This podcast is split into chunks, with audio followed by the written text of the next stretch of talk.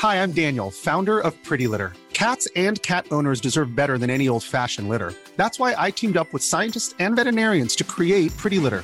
Its innovative crystal formula has superior odor control and weighs up to 80% less than clay litter.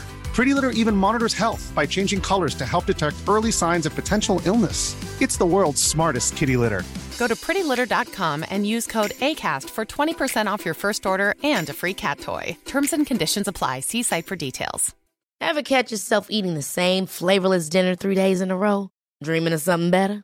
Well, HelloFresh is your guilt free dream come true, baby. It's me, Gigi Palmer. Let's wake up those taste buds with hot, juicy pecan crusted chicken or garlic butter shrimp scampi. Mm. Hello Fresh. Stop dreaming of all the delicious possibilities and dig in at HelloFresh.com. Let's get this dinner party started.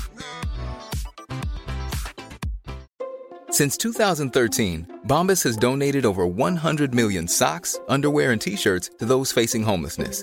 If we counted those on air, this ad would last over 1,157 days. But if we counted the time it takes to make a donation possible, it would take just a few clicks. Because every time you make a purchase, Bombas donates an item to someone who needs it.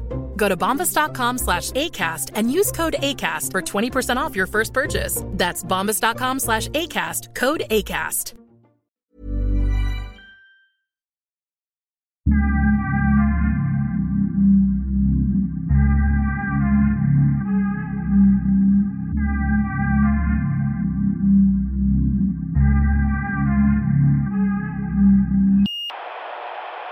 Jo, men han nämnde att ni hade varit eh, på Delta. Mm, mm. Alltså, jag kan säga Delta. Jag, jag hade ju ett kort där. Mm. Det är ett av de absolut bästa gymmen i Stockholm. Ja, är Alla det. är superseriösa där. Mm. Men ni, nio av tio är dopade på Delta.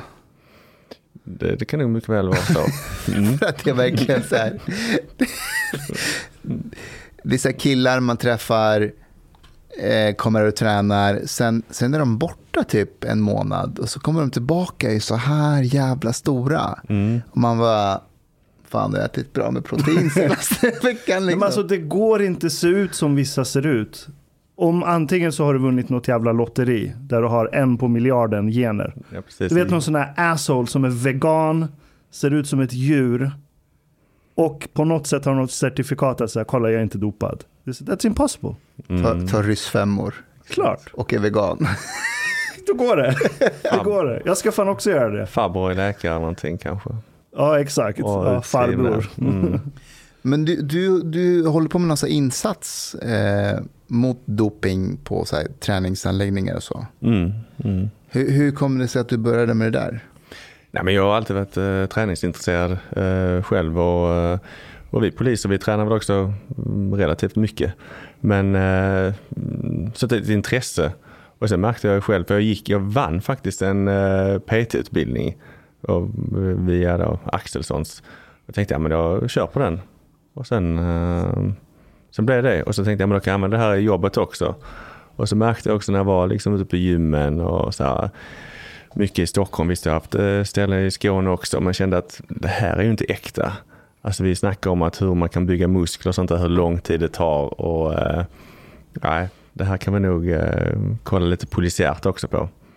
Så att eh, då, därför jag valde att eh, nörda ner mig i dopingträsket och det är ju mycket, det finns ju mycket, mycket, mycket. Det är, det är rätt vanligt nu och alla de här liksom fitnesstävlingarna. Mm. Hur vanligt är det att man är dopad där? Alltså jag, jag vet inte hur vanligt det är, men alltså som, som vanliga, vi vanliga medeltränare känner vi typ så här, alltså det här är ju för bra för att vara sant. Ja, då är det det också. Och det är ju väldigt olika, olika gym där man går ner. Eh, då, då får man den känslan och då är det någonting som är konstigt. Jag är för doping. Du för doping? Ja, ja, jag tycker alla sportligor borde ha två separata divisioner. Dop- Där är så här, här är dopade, här är icke dopade. Och så ser vi vilken som folk kommer kolla på. Det är såklart de kommer kolla på den dopade versionen. Det kommer bli bättre sport. Ja, för att det blir freakshow. Det behöver inte vara freakshow. Alltså är du fotbollsspelare, alltså du kan ju inte gå runt och se ut som Arnold liksom. Det går inte att spela Nej, fotboll med nej, den precis. kroppen. Nej men absolut, Men- det är intressant. Sen kan man ju säga kanske x antal de dör på mållinjen så det blir en freakshow där. Hjärtat bara det- det- exploderar. Det blir Det är ett spännande för beslut de har tagit som de får stå för. Fast, fast, fast hur vanligt är det där? Om du har de absolut bästa läkarna, som alla de här Hollywoodstjärnorna, som typ så här, vad heter han, Christian Bale, som Mm. spelar in den här filmen The Machinist. Han åt ett Mm, äpple om dagen i typ sex månader eller något Ja, sånt. exakt. Vet du att sex månader efter att den, de in- inspelningarna var slut så började, så började han eh, eh, Batman. Batman-spelningarna. Fuck! Ja, och då sa han så här, på sex månader tränade jag stenhårt, åt mycket mat och då började Batman... Bullshit! Det är klart att det är bullshit! Bullshit! Eh, Han gick upp typ 15 kilo i muskler på, fem, eh, på, på, på ett halvår. Det Ja. går inte. Nej, jag, eh, jag själv kommer från skådespelarbranschen och jag känner faktiskt regissören till Tor. Han spelar ju Wallander nere i Ystad, Kenneth Branagh. Och jag fick faktiskt provspela till Tor. Huh. Men jag, jag, Alltså jag, som Tor. som Tor ja. Är det sant? Ja, jag, jag, jag- jag fick ett mail ifrån då, um, produktionsbolaget. Ja, men du har rätt ansiktsdrag. Jag hade långt hår. Jag du hade väldigt långt hår. Ja, ja, så Tor, jag tror de har byggt Men hade eh, du håret. dopat dig så kanske du hade fått rollen. Nej men ja, precis, jag, jag, jag, jag, jag säger det att jag tror Chris Hemsworth kanske åt för bra protein där. Så jag, jag skyller på äh, dopingen där. Nu säger jag inte att han är köpt dopad ni- men... eh, Du borde köpt Way 100, inte Way jag vet, jag körde bara på 80. Det är så, jag, jag, jag, jag är lite så, inte helt hundra. Jag körde Way bara 80 100. liksom. Jag, jag är bra på mycket, inte hundra Ni på som något. lyssnar, Way 100. Aldrig Way 80.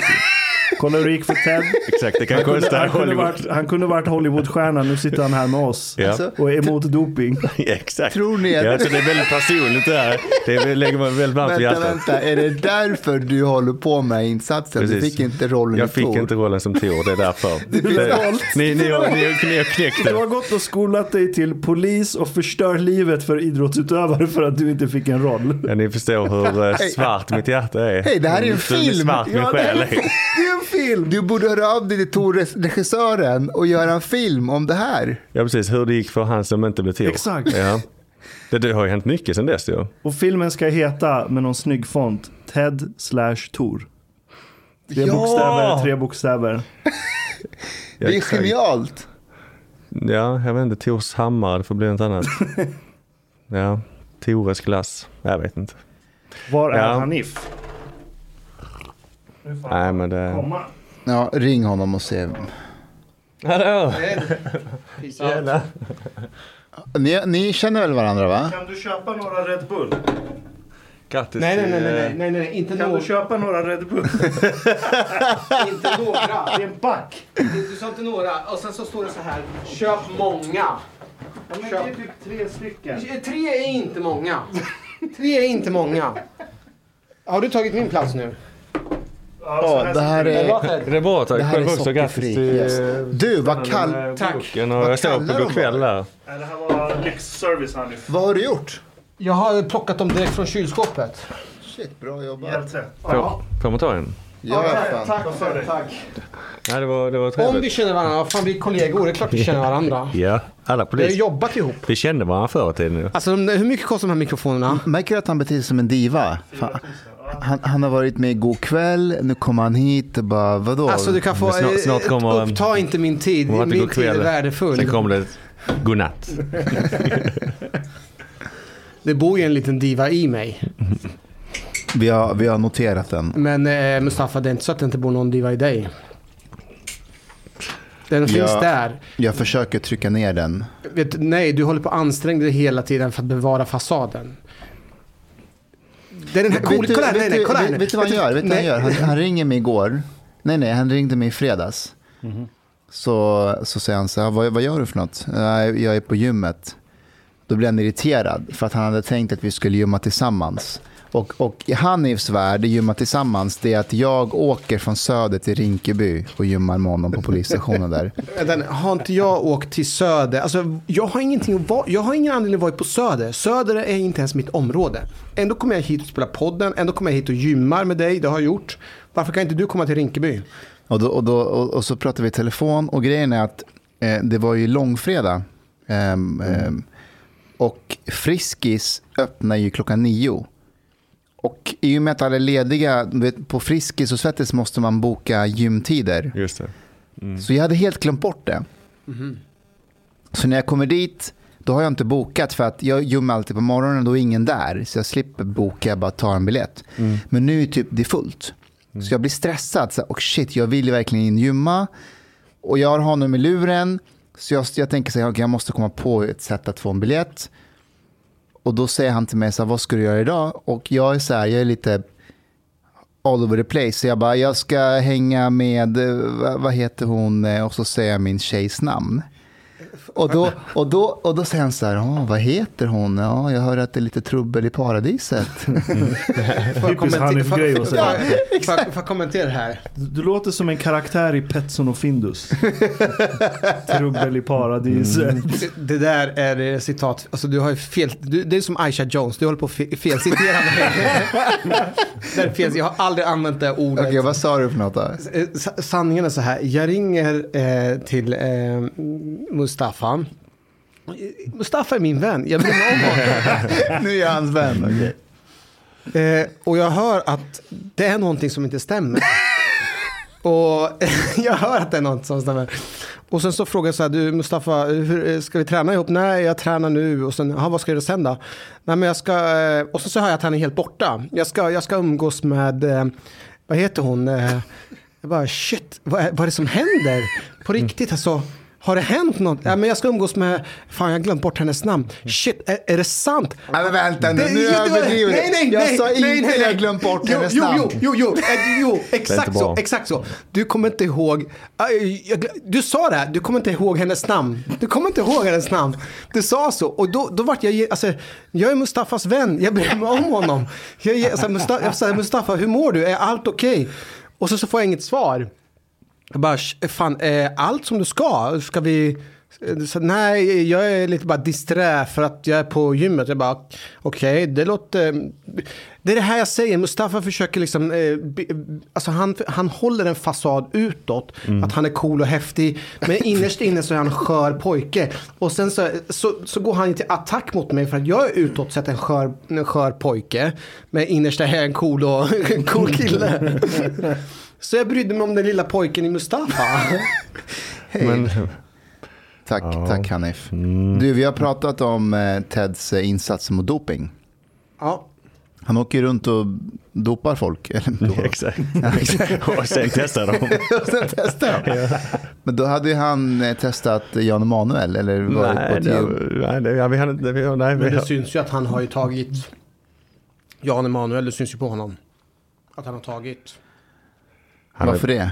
Alltså han har ju tagit um, en proteinshake. Wa- Way 100. Vad sa du? Är 100. Way 100. Men eh, vad är eh, doping? Det kan vara lite grann vad som helst. Det behöver ju inte vara... Alltså saker och ting kan vara dopingklassade här i Sverige men att det inte är... Ashkan, hur mycket kostar de här mikrofonerna? 4 000. Ja, den borde ju fånga allt jag säger. Den fångar allt, men det är som dopingkontrollerna. hade ni, hade ni test, hade, eh, testade ni Jan Emanuel? Eh, nej, det gjorde vi inte. Och hade vi gjort det hade jag inte sagt det heller. Om han klarar sig? Om han klarar sig, ja. Mm. Alltså du kan ju Men han har, ju- det. han vi väldigt kom- bra, han har, han har väldigt bra genetik, det får man säga. Hur mycket kände du på honom egentligen? Nej, jag, jag har inte känt på honom, men... eh, testerna när man känner på pungkulorna.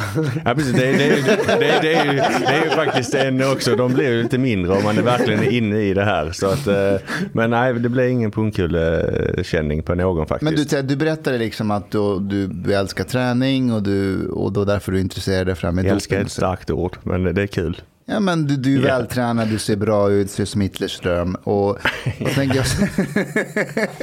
Hitlers dröm.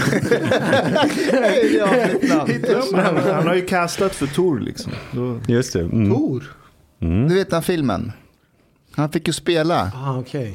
Ja, jag fick eh, testa där, men jag åkte för att jag tror att eh, han som fick eh, rollen tog då, Chris Hemsworth, Chris Hemsworth, han kanske åt för mycket protein. Så att det är där av mitt eh, dopingintresse ligger. Kanske, kom vi fram till innan. Men, men då tänker jag så här. ehm, varför, alltså, nu, varför lägga tid på, på det där? På vad folk gör med sina kroppar? Nej men det är mycket, det är ändå eh, organiserad brottslighet som ligger bakom absolut. Det är mycket MC-relaterat. Det har den här insatsen eh, visat. Så att eh, Hells Angels och Bandidos och så vidare, det är väl inga som vi ska låta här fritt i samhället, tycker inte jag. Men om, men om det är en vanlig kille som, eh, som har läst på och gjort sin läxa och har bra ryssfemmor, jag ska, det finns inga bra ryssfemmor, men som liksom eh, tar de här preparaten och bara älskar träning och liksom 90% av hans tid går ut på att äta rätt och, och, och, och träna rätt. Liksom. Mm. Är, han, är han en fara för samhället? Ja, men det tycker jag för att uh, unga människor får en helt uh, skev bild av uh, hur man ska se ut. Och, så att det blir ju ja, en hets för andra människor och att folk går runt och mår psykiskt dåligt för att de inte ser ut som man tror att man ska se ut. Det är ju, tycker jag, ett stort problem. Men Ted, du bidrar ju till det själv. Nej, jag är... Du ser bra ut, Vi kollar du är på Teds. Instagram. Exakt, kolla Teds Instagram. Det är liksom eh, eh, varannan bild är bara över kropp. Nej, det är det. Nej, det, det, nej, då har du kollat fel. Då har du något sånt fejkkonto. Jag kanske såg Chris Hemmersworth. Ja, precis, precis. What? Nej, två konto Ted. ja, precis. Det eh, heter din officiella konto? officiella, det är ordningspolis. Ordningspolis. Mm. Jag har bytt namn där. Hannes, du får kom fram till närmare bordet. Kom närmare bordet. Kom närmare bordet. Så. Det här kommer bli vår mest lyssnade poddavsnitt någonsin. Är liksom, Prata in i micken. Det, det, är det enda den kräver av dig. Att du pratar in i micken. Alltså är, är det så här att innan jag kom hit att ni kom överens om att ni ska Nej. jävlas med mig så mycket som Nej. möjligt? Nej. Men skärp dig nu, prata i micken. Ja, men vi pratar i micken hela tiden. Okej, fortsätt. Nej men eh, fuska eh, generellt, det är väl ingen som... eh, Men vad är, det, vad är det en ung kille fuskar med om han inte tävlar med någon? Han bara sköter sitt och vill se bra ut. Ja men det, då kan vi jämföra med, då, alltså, med allt annat, narkotika, kokain och varför får inte eh, bankmannen eh, dra en lina kokain på fredag kväll? Varför inte? Och, ja varför? Ja men det- för det bidrar till mycket annat. Eh, att folk mördas eh, av, ja men vi får ju se hela den här stora bilden. Det är ju en del av varför jag är polis. Eh, och jag tycker det, det blir ju, samhället uh, mår ju inte bra av det här. Särskilt inte barnen i Sydamerika vars karteller och annat då. Så att visst, drar du en lina då får du väl också bidra du till blod och död. Och detsamma är ju med doping i en annan sorts skala. Men jag tänker så här, om, om jag är 26, 27 eller äldre. Och så av whatever anledning så vill jag se ut som eh, Thor. Eller Hemsworth eller vad han heter. Mm. Och hur mycket jag gymmar, hur mycket Way 100 jag än käkar, jag tränar alla, testar alla program. Det går inte. Jag har inte the jeans. Som du så- har Ted. Som du har, exakt. Eh, och, och, och då finns det på apoteket jättebra välproducerad Way 100. Way 100 special liksom. Ja, men skulle du sakna om du skulle ha någon brist på testosteron, vilket eh, verkar som varje man har nu, vilket Ja, men- inte är sant. Då ska man gå så här, oh, ja, men jag är trött och så ska man få utskrivet testosteron, vilket eh, bara är ett påhitt. Ja, ja, nej men alltså jag, jag menar inte att jag behöver ens ha kliniskt bevisad brist, utan jag, så här, jag, jag, behöver, jag vill ha mer. jag vill ha mer testosteron och så får jag det lagligt, säger vi, i en hypotetisk värld. Mm. Då, då bidrar jag inte till någon kartell. Sen kan ju folk tycka att jag är dum i huvudet som vill se ut så. Jag tycker själv inte det, nu vet jag inte hur Hemsworth ser ut, men jag, jag, jag tycker inte det är snyggt Han ser ut att se som ut som Ted. Nej, han, han är lite knutig, han är lite mer kn- knudig som Han är lite mer. Way 100. Han är mer Way 100, jag är mer 80. Ja, du är 80, okej. Ja. Nej men så här, som en grotesk bodybuilder, eller en bra bodybuilder ska inte se grotesk ut. Ni fattar. Då, då, då, då, då bidrar jag inte till någon kartell, till blod. Nej, Det känns som om den här diskussionen påminner om prostitutionsdiskussionen, narkotikadiskussionen. Men allt de där går ju i varandra någonstans. Därför att det finns en slags så här, alltså jag hör Teds så här resonemang, det drar väldigt lätt till så här barnen i Sydamerika och kartellen. Däremot så här, vi alla sitter och dricker öl varje kväll. Inte varje kväll, men varje fredag kväll eller sprit och sådär. Men det bidrar ju till alkoholism och absolut. Eh, föräldrar som slår sina barn och whatever. Fast ingen kopplar ju det till att men vänta, jag dricker en öl på fredag kväll. Vad fan har det med en, med en fyllo som slår sin, sin fru och barn att göra? Och ingen skulle säga så här, "Ah, du bidrar faktiskt till det där om du dricker. Men det är för att det, det, det är en kulturell grej. Ja, det är ju normaliserat och länge och ja, Mm. absolut. Ashkan, du är ju farmaceut. Doping och så, är det skadligt för kroppen? Så jag, jag, måste förtydliga, jag har en masterexamen i det, men jag har inte gjort det sista man ska göra för att få sin legitimation. Mm. Så jag, jag får ju inte ge råd eller yttra mig som Nej, med men- den titeln. Men vad har du för, eh, när du läste om doping och sådär, vad kan man, vad kan man säga? Jag kommer inte ihåg så mycket förutom att ja, men det finns risk att du blir aggressiv, du kan få personlighetsstörningar. Sen kommer jag faktiskt inte ihåg om man kan få bestående fysiska men, förutom att ja, men pungkulorna krymper och, Och hjärtat växer. och hjärtat just det, just växer. det, det, är ju, det, är, ju- just det är ju Så- skadligt för Men kroppen. om, men om vi tar de här Hollywoodstjärnorna. Jag, jag tror ju att alla unga någonstans fattar liksom att när de här Hollywoodstjärnorna går ut och säger att Ja, men jag åt väldigt bra mat i, i, i åtta månader och tränade extra hårt. Det är därför jag tog, satte på eller la på mig 15 kilo muskler. Det är liksom skitsnack och alla vet om det någonstans. Men varför gör de det eh, när de vet om de här riskerna, tror du? Nej, men där är det ju säkert kontrollerade former och sen extremt mycket pengar. Där pengarna är, det styr ju, eh, det vet vi ju. Så absolut, eh, Marvel och Disney det är ju inte eh, Guds bästa barn. Om nu har Guds, Gud har bra barn. Är det inte det här, eh, din fråga lite grann Mustafa, varför lägger polisen tid och resurser på just den här frågan? Är det inte lite grann, kan man inte koppla det här lite grann till prostitutionsdebatten? Varför lägger polisen resurser på att jaga eh, torskar? Och någonstans så går vi väl in i den här eh, diskussionen kring individens rättigheter och friheter att kunna göra vad den vill med sig själv och sin kropp. Och att det, det finns en parallell där. Och där, jag tänker att om man ser det utifrån en enskild perspektiv så är det kanske upp till var och en att göra vad man vill med sin kropp eller om man är, vill sälja sin kropp. Men om man ser det i förlängningen så kanske det på något sätt bidrar till någonting negativt. Fast vet vi att det bidrar, alltså vi, vi är alltid inne på det här med korrelation och kausalitet. Vet vi att det är så eller är det en farhåga vi har att det kan bli så? Ja, men det, nej, men jag, vi, körde en, liten mini-insats för två veckor sedan också mot eh, prostitution. Och då var det ju en, eh, en kvinna, ja, 25-årsåldern, hon jobbar ju nere i Österrike och hade certifikat som då prostituerade på ett, eh, ett hus där då. Um, men så på grund av covid så var det ju stängt det där huset. Så det var hon här i Sverige med några kompisar eller kollegor och arbeta. Um, men jag tror som sagt att om det, alltså visst det är ju lagligt att sälja sex, men uh, i det här stora hela så bidrar det nog till någonting annat än att dras in i, i sånt här skit, att man kan bli utnyttjad och, och hela den här biten om det skulle vara helt fritt liksom att köpa sex. Um, och det är ju nog ingen sund, uh, sunt um, arbete. Um, och sen bara när man pratar om det här, jag tyckte det var helt sjukt att det här med, eh, ja det finns ju sidor svenskatjejer.com eller vad de heter. Och är så- Onlyfans.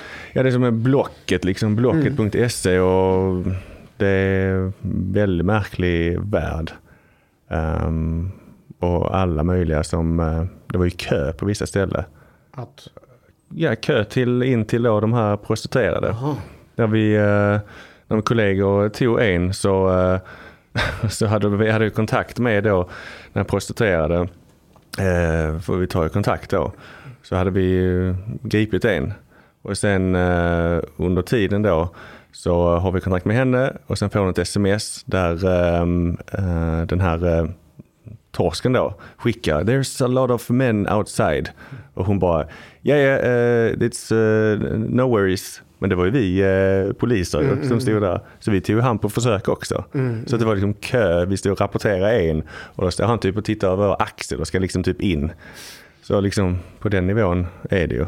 Och det är mitt i Stockholm, flera, flera adresser. På bra adresser. Finns det, finns det en så här känsla av frustration och maktlöshet att, att inte komma åt eh, det du beskriver? För att jag, jag vet ju att polisen slår till mot en väldigt liten andel av de adresserna som finns där ute.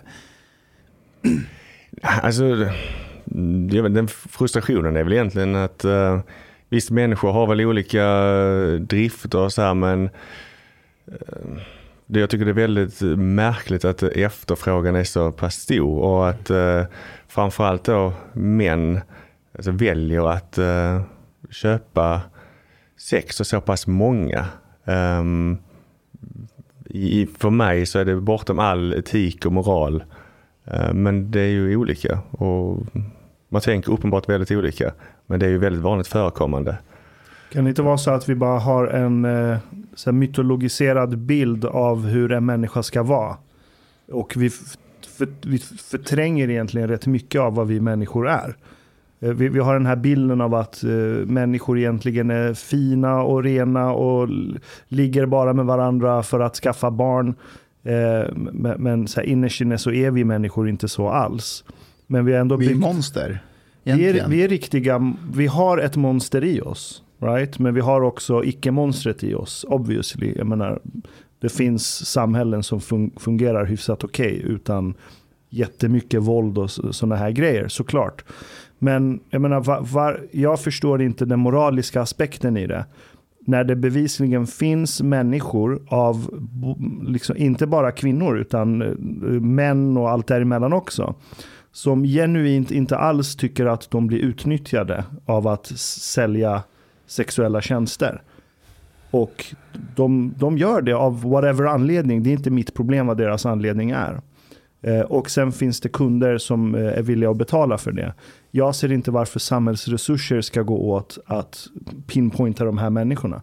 För mig går inte den ekvationen ihop alls. Mm. För jag menar, man har gjort ett antagande av att människor som säljer sexuella tjänster är ett offer. Men det finns hur många som helst du kan fråga. Är du ett offer? H hade du andra möjligheter i livet? Och de kommer säga ja, absolut. Jag är inte tvingad till att göra det här, men jag vill göra det här av whatever skäl det kan vara. Jag behöver inte förstå det skälet.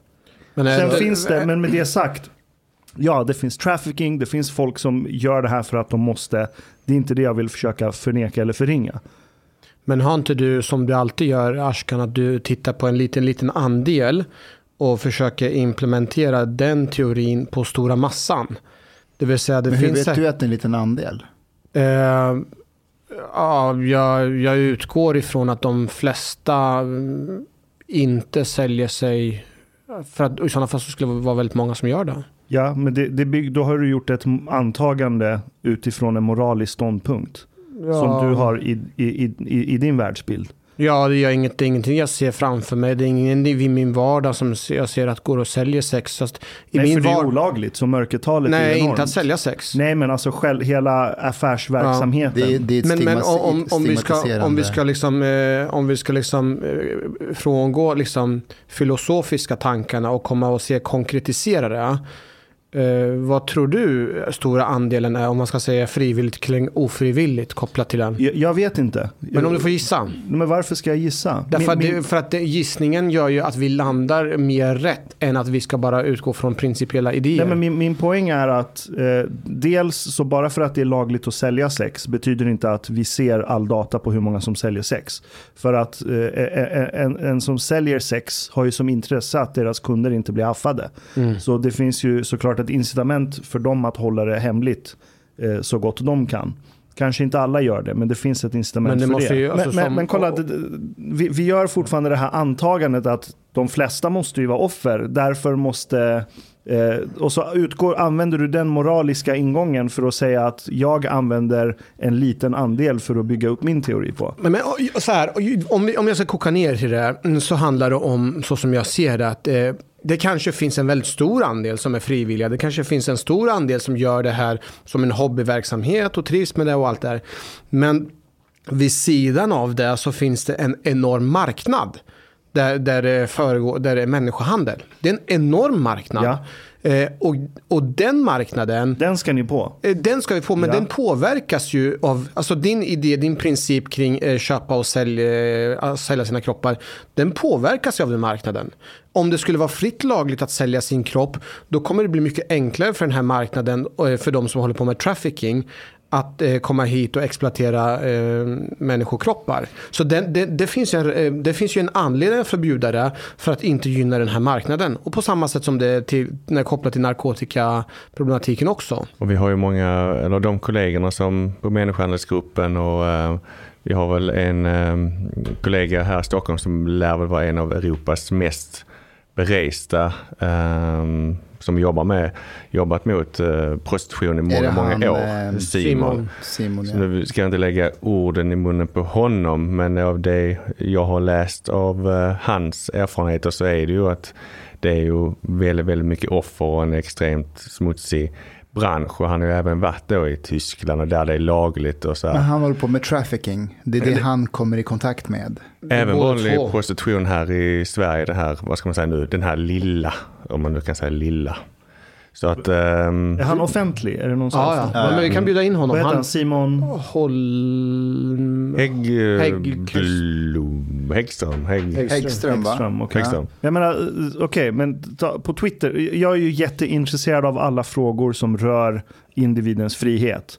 Eh, eh, min utgångspunkt är att alla människor ska få göra vad de vill med sina kroppar. För att du äger din egen kropp. Så länge du inte skadar någon annan. Eh, eller, eller att din aktivitet gör att någon annan människa inte kan utveckla sin potential eller vad det nu ska vara. Eh, Så jag följer ju liksom allt ifrån drogdebatt till sexhandel, alla de här grejerna. Och på Twitter till exempel, där du kan ha anonyma konton. Jag menar, sexarbetare i Sverige har ju sitt eget inofficiella fack, eh, fackförbund som heter Fackförbundet. Liksom. Och det är sex, aktiva sexarbetare i Sverige Eh, som berättar om sin vardag, kanske bloggar om det och allt möjligt.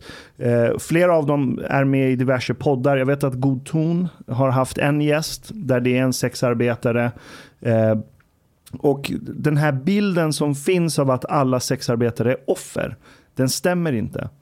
Och det, där, det är där det stör mig. Varför ska staten, inte bara resursfrågan, men använda våldsmonopolet på att hindra människor från att göra vad fan de vill som vuxna människor som äger sina egna kroppar? Eh, bara för att man tillåter det betyder inte det att man förringar eh, trafficking, människohandel och så vidare. Eh, och när du Hanif säger att eh, okej, ehm, att ja, men gör vi det lagligt så kommer det bli en stor marknad, då kommer trafficking öka. Eh, jag, jag är inte så säker I- på Inte det. öka, vi Aha, kommer okej. underlätta. Okej, De, mark, marknaden då. finns där. Marknaden finns där och den omsätter jättemycket. Ja. Men det är precis som de här vad heter, romska tiggarna. Ja. De här romska tiggarna de undviker gärna att åka till eh, Norge och tigga. Eh, varför? Jo, det är förbjudet att tigga där. De, de sö- söker sig till länder där det, eh, där det är mer lagligt och där det finns mer att tjäna pengar. Och här kan vi vara med och försvåra för, för att eh, få hit eh, personer som, ja, som håller på med människohandel. Sen verkar det också så att vi vill gärna separera mellan trafficking och eh, typ eh, prostitution och sådär. Men det är jävligt svårt. Det går inte att kunna skilja den. Du kommer inte kunna utifrån en annons eller en samtal med en enskild person kunna göra den distinktionen. För det, alltså de, det här sker så subtilt, det här sker, det här sker så professionellt. Så att allting ser ut som en, en eh, lycklig hora. Men att det visar sig att det är en organiserad brottslighet bakom det. Det där blir också eh, krångligt. Hur, hur definierar ni trafficking? Vad räknas som trafficking i Sverige? På ett ungefär. Det behöver inte vara exakt. Nej, men jag tänker mig så här att eh, vad jag förstår så är det många unga tjejer som Eh, i mån om att de ska få ett jobb eller i mån att de ska tjäna pengar eller någonting eh, kommer hit. Eller de, de organiserar det här så att det sker på ett organiserad form. Eh, där de kommer hit och sen så, eh, så utnyttjas de eh, till att liksom, de jobbar liksom, jag vet inte, jag ska inte säga dygnet runt, men de jobbar väldigt, eh, väldigt alltså de håller på, eh, så ligger hela tiden och vad jag förstår så är det väldigt, väldigt liten del av pengarna som de jobbar går till dem själva. Utan All det är en right. organiserad, eh, det är en organisation som tar större andel av Ja, pengarna. men som, som tiggeriet i princip. Ja, exakt. Okej, men, men om en sexarbetare som är svensk medborgare har sitt eget AB, har något certifikat och så finns det något system där hälsa och sånt kontrolleras med jämna mellanrum. Då kan du ju följa den här verksamheten.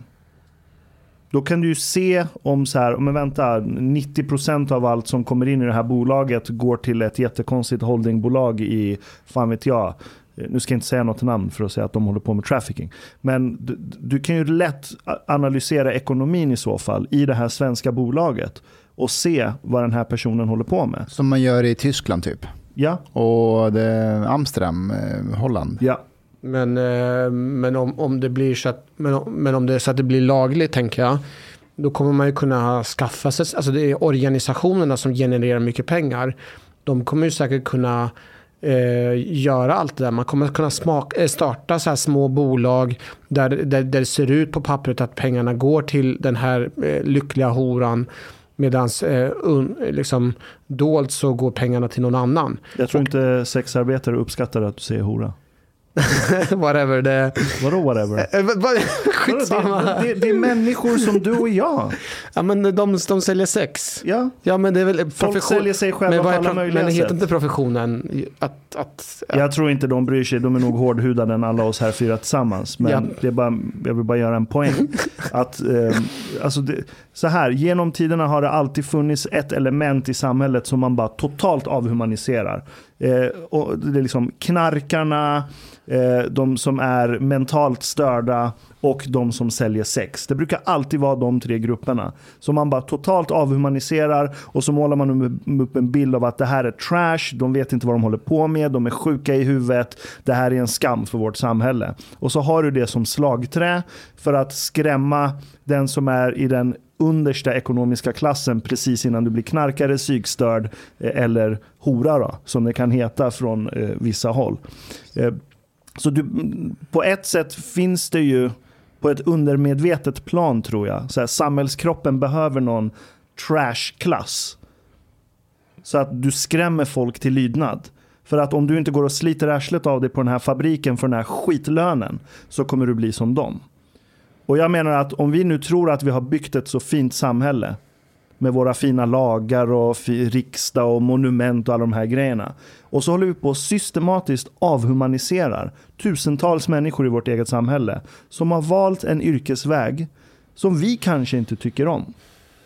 Men så ska vi stå och banka ner på dem och tvinga dem in i liksom mörkret där de måste göra allting i hemlighet. Ja, men jag, jag köper att vi ska inte göra det, men, men du, du kan ju inte blunda för människohandel som omsätter mycket pengar. Jag blundar inte för Nej. människohandel som det omsätter det- mycket det- det- pengar. Så, Vi så, så, vill ju så, så som jag ser det, det är ju kärnan i diskussionen. Det ju, eh, du vill urskilja, men du kan inte göra det. Du kommer inte kunna göra det. Den kärnan i diskussionen är att inte göra en människa som inte är ett offer till ett offer. Jag, men jag köper det resonemanget. Det är inga right. konstigheter. Men, är, men, är hur det ska du, trafficking, det är liksom på med våldsmonopolet. men hur ska du, frågan är så här, hur kan du göra, alltså så här, om jag skulle vilja köpa sex. Hur ska jag kunna veta om personen som jag vill köpa sex är inte är i, faller inom människohandeln? Jag hörde på en föreläsare av eh, poliser från Colorado där man då har legaliserat eh, eh, hasch och vissa droger. Nu vet jag inte exakt vilka droger men i alla fall marijuana och eh, eh, för eget bruk. Men då blir det också det eget bruk och egen odling blir plötsligt jättemycket. Då kan man ju också gömma det i sitt, eh, alltså odla så att man, man till slut så blir det en försäljning till kringliggande eh, vad heter det, Delstater. stater, precis, delstater. Men det är för att det inte är legaliserat i de I delstaterna. dem. Det, det, absolut, ja visst, då skulle legalisera det i hela USA. Eh, jag tror inte på den eh, principen och som det är nu så enligt då de Colorado narkotikapolisen sa de att de har fått väldigt mycket problem med sen legaliseringen. Men det är för att de från de andra delstaterna reser till Colorado för att de vet att det är lagligt där. Och så hänger en del av de här trashiga i just Colorado och trashar deras stad. För att det inte är legalt i deras delstat. Så den, det problemet finns ju. Mm. Ehm, känner du igen det, Ashkan? Ja, jag känner igen det, men jag kommer inte ihåg exakta siffrorna. Jag, jag läste om det där för ett tag sedan, men jag kommer tyvärr inte ihåg siffrorna. Och vad det fanns för förklaringar. Mm. Tyvärr. Men det, jag, jag, jag tror inte att det, kausaliteten är så enkel heller. Jag menar, det finns många andra länder som har legaliserat eh, bruk av inte bara cannabis utan även andra saker. Där du inte per automatik får den här liksom, spridningseffekten eller ökningen. Ja, det var ju lagligt att bruka narkotika i Sverige fram till någonstans 90. Jag vet när pappa var ny polis. Då var det ju bruk eh, lagligt. Så det ändras lite fram och tillbaka. Hur har det gått, tycker ni? Poliser? Sen det Bruket. blev olagligt. Nu vet jag inte exakt vilket år men eh, Egentligen är det du mot oss tre, Ashkan. Men, jag eh, bara din plats, jag tar bara din sida för, för att du tror inte på det i själen? Jag tror, jag tror att det som vi håller på med nu funkar inte. Jag tror att, eh, att eh, vad är det, 70% av eh, de här gängens ekonomi som kommer från cannabis blir det en avkriminalisering, en legalisering så slår man undan benen på dem. Det tror jag skulle vara väldigt effektivt. Tror du att man slår undan benen på dem?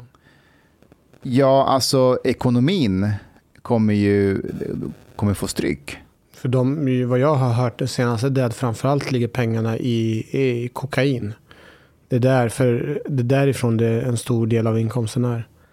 Okej, men beror, beror på var i Sverige man är någonstans? För jag, jag läste cannabis. Men okej. Det kan vara cannabis också. Men det var han Mehdi, alltså, som vi har försökt få, få in. Han, det. eh, han snackar ju om att det är kokain framförallt som är inkomstkällan.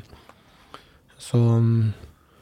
men, men, men ett problem som vi har som jag uppfattar att den, för mig är lite konstigt det är att vi som har jobbat som polis och jobbat länge, det är att vi i vår vardag träffar många personer som är eh, missbrukare, som har eh, missbruksproblem.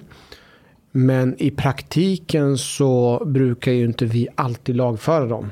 Nej, En person, inte. som är, eh, en person som har långvarig missbruk, Alltså en Det- sån livstidskriminell. ja, eller, eller pullare och så här.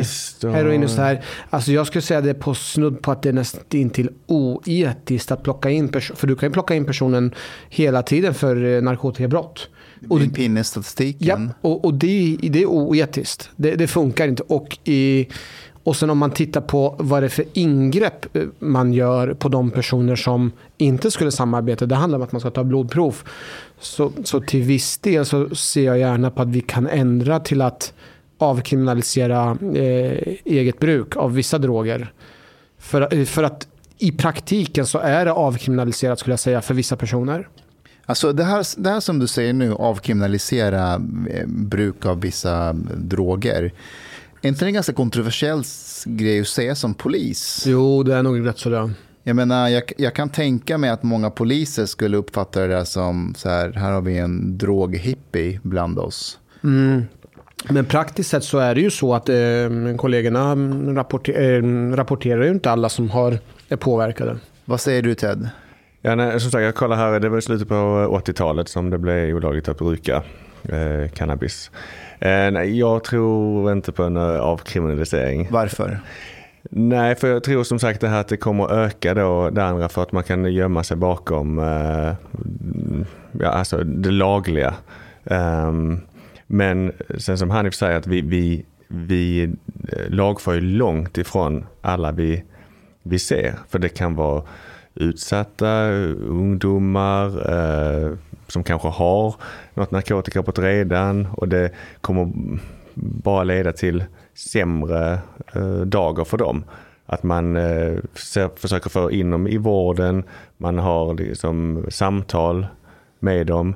Eh, vår, som sagt, man säger en pinne i statistiken, det är ju inte vårt mål. Vårt mål är ju att, eh, mitt mål som polis är att folk ska må bra. Mm. Eh, inte att eh, rapportera folk för, eh, för brott. Det är ju en det är ju- bieffekt. Det är liksom. just det man kan uppnå med en avkriminalisering. Att man inte har fokus på att Mm. pissa av dem och genom prickregistret utan att faktiskt erbjuda dem hjälp och vård. Som man gör i Portugal, som man gör i Holland, som man nu ska börja med i Norge. Man ser det som sjukdom. väl, mm, mm. Ja, men det, det håller på att gå igenom i Norge nu när som helst. De har en diskussion. Sverige används ju som skräckexempel när andra europeiska länder gör sina rapporter och utredningar om just eh, hur man ska hantera eh, vissa substanser rent juridiskt. Sverige används verkligen som skräckexempel. Mm. Vi, vi, är, vi är liksom en, en, en skamfläck i, i Europa. För att vi har rätt så strikta lagar, en av Europas högsta narkotikadödlighet och gängkriminaliteten bara eskalerar och eskalerar. Så okej, nu med Encrochats eh, knäckning så har man väl kunnat komma åt en hel del. Men Ja, Om man säger när jag är i Malmö, om man nu, för som sagt om man ska prata om det här skräckexempel så jag visst var på gränsen när jag pratade med norska polisen. Ja då hade väl eh, någon kollega sagt att vi har fått eh, däcken eh, uppskurna på en polisbil. Det var ju en psyksjuk eh, person som gjort det utanför Södermalms polisstation. Eh, men norska polisen tar det direkt som att det är någon gängkriminell som har skurit hål på däcken.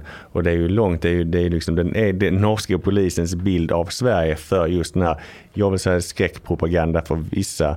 Sverige är absolut inte perfekt, men man kolla i Malmö, skjutningar och sånt är ju inte obefintligt, men det är ju mycket, mycket tryggare nu än vad det var för några år sedan. Nej, jag menar inte skräckexempel på det sättet. Jag Nej. menar när man för statistik på hur folk mår relativt narkotikaklassade medel eh, så sticker Sverige verkligen ut. Det vi gör funkar helt enkelt inte. Det, det funkar inte. Eh, till och med Folkhälsomyndigheten Myndigheten. har ju gått och rekommenderat att vi måste utreda de här lagarna. Alla Sveriges psykiater är överens om Ja. att man ska köra på Men en det- Och, Lena avkriminalisering. Hallengren säger bara strikt nej. Mm. Och, och nu, nu, nu har hon så här ökat förtroende enligt enkätundersökningar. Jag fattar inte det. I don't get Men it. enkätundersökningar. Nej, jag skiter i enkätundersökningar. Det säger bara vad folk som vill lägga ner tid på enkätundersökningar tycker om Lena Hallengren. Mm. Men jag, jag, det går inte ihop i mitt huvud. Alltså lagar och regler som polis, det är ju inte det att man klamrar sig fast vid de lagarna. De finns, de får vi jobba efter. Ja, ja, jag Men- blamear inte er. Men Vi det måste som- följa dem. Ja, och det, men det som man ska ju alltid överväga och, och eh, se om det finns bättre möjligheter, absolut. Och det, då måste ju även vi poliser vara öppna för såklart. För att vi jobbar ju för att folk ska må bra. Ja. Eh, när ett brott har begåtts, då är vi för sent ute.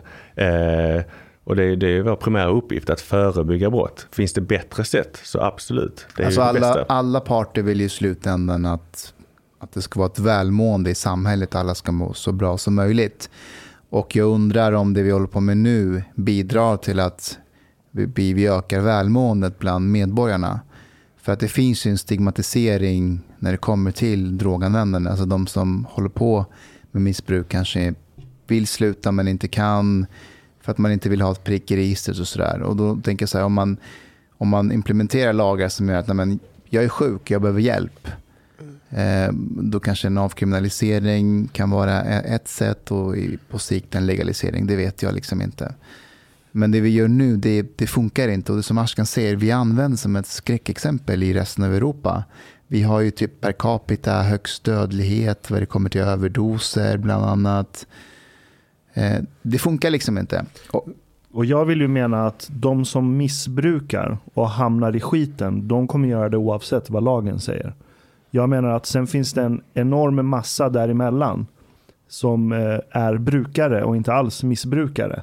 Och, om, och jag menar inte att vi bara ska avkriminalisera, jag säger legalisera.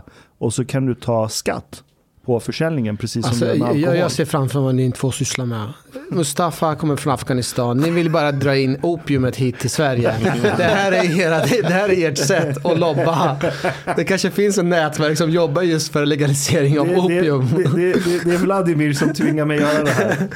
det har jag inget att till om. Det är. Vladimir. Och vi ska tillägga att, att alltså, menar, ni som jobbar nu och jag som jobbade då.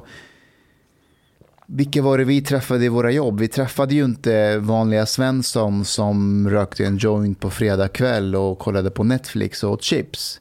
Utan de vi träffade, det var ju de som levde typ i misär. Eller var på väg in i misär. Och, det, och det, det korrelationen vi ser är så här, ha, Mariana, du är på väg till heroin liksom. Och ja, eh, i deras fall så stämmer det, men för den stora majoriteten så stämmer ju inte det. Nej, men den stora majoriteten eh, kanske röker gräs och eh, tittar på Netflix eh, och håller på med technomusik och håller på med föreläsningar och så. Men, och klarar sig. Men det finns en minoritet som inte gör det. Technomusik. Eller, eller Jag håller inte på med techno, men jag fattar vad du gör. Majoriteten kanske klarar av det där, men det finns en minoritet som inte gör det. Och va- varför ska mitt liv fuckas upp av att det Känner, finns en ja, ja, minoritet? alltså, känner du dig träffad så är det upp till dig själv. Ja. Men sen, det- Jag håller inte på med cannabis, så jag känner mig inte träffad. Nej, och inte techno heller för den delen va? Nej, jag har aldrig gjort technomusik. rave då, rave. Nej, eh, trance. Och rave är ju en sorts tillställning. Ja, trance, tack. Ja. Men narkotika, narkotikadiskussionen, jag tycker man glömmer också, vad ska man säga, de här, om man nu kan säga, lite den mer förmögne mannens eh, droganvändande också. Och det diskuterar man ju sällan. Alltså om man säger ändå kroglivet och kokainanvändandet och så här, man pratar mycket. Det är marijuana och det är liksom mycket folk som kanske eh, redan är i, i det lägre skiktet om man kan säga så här. Men det övre skiktet, om man säger lite väl, mer välbärgade, de klarar sig undan på ett helt annat sätt också. För att, ja, med ekonomi och, och annat. Och det är någonting som man sällan diskuterar. Det är lite mer man pratar om trashigt och, och, och så här. Om man bara säger, visst nu är det en dramatisering med till exempel Exit som är en väldigt populär eh, serie med den norska eh, finansbranschen och det handlar inte bara om norrmännen. Um, jag har ju folk i familjen som jobbar i den branschen och som ändå kan vittna om att det är ju jäkligt, eller väldigt eh, liberal bransch på många sätt. Innan vi pratar om prostitution, kokain, men vi pratar mycket bara om det här med marijuana och eh, i, i den här drogdebatten. Eh, jag tycker man missar ganska många och eh, kanske andra människor som bidrar till mycket dåligt i samhället men som ändå betalar väldigt mycket skatt. Men för att de betalar all den här skatten så är de lite också Ehm, då kikar vi inte så mycket efter dem, vad de gör annars heller på fredagar och lördagar. Jag såg någon så här nyhet i USA. Då var det så här, eh, det var någon delstat någonstans i USA där eh, polisen hade lagt stora resurser på att eh, eh, ha span på någon så där, en gathering bland rika människor. Så, så typ varannan helg eller en gång i månaden så träffades liksom så här rika människor i någon så här stor lyxvilla i Los Angeles. Och, eh, och du vet, de, eh, de rökte på, det var, fanns lite kokain och typ alla låg med varandras respektive. Liksom. Sen var festen slut och så gick alla hem och så fortsatte sina liv och så träffades man igen om någon vecka. Så polisen hade någon stor span på det där och så gör man ett tillslag och, och griper alla de här. Du vet, det är ju hårda narkotikalagar i USA så de blir liksom av med sina jobb och, eh, och, och, och får liksom eh, sitta inne en, en, en del av dem. Och, och, och då tänkte jag så här, men vänta lite här nu. Om de här rika människorna samlas i ett hus en gång i månaden, drar någon lina, röker lite braj, ligger med varandras fruar. På vilket sätt skadar de samhället? Det är när vi kommer in i det här stora hela också. ju. Jo, jag förstår, men, men det stora hela, nu är de av med jobben. Nu försvinner skatteintäkterna in till systemet som vi pratar om. De är stigmatiserade av sina grannar. Det är nu eländet börjar i det här samhället där de bor. Att du har en stor andel, en stor andel, de här människorna, de är ju borta. Skatteintäkterna finns inte där längre. Och då tänker jag, vad är det för nytt? Vad blev bra här? Och de här poliserna går in och känner så här, fan vi gjorde ett bra jobb, vi grep alla de här. Fast vad gjorde de egentligen?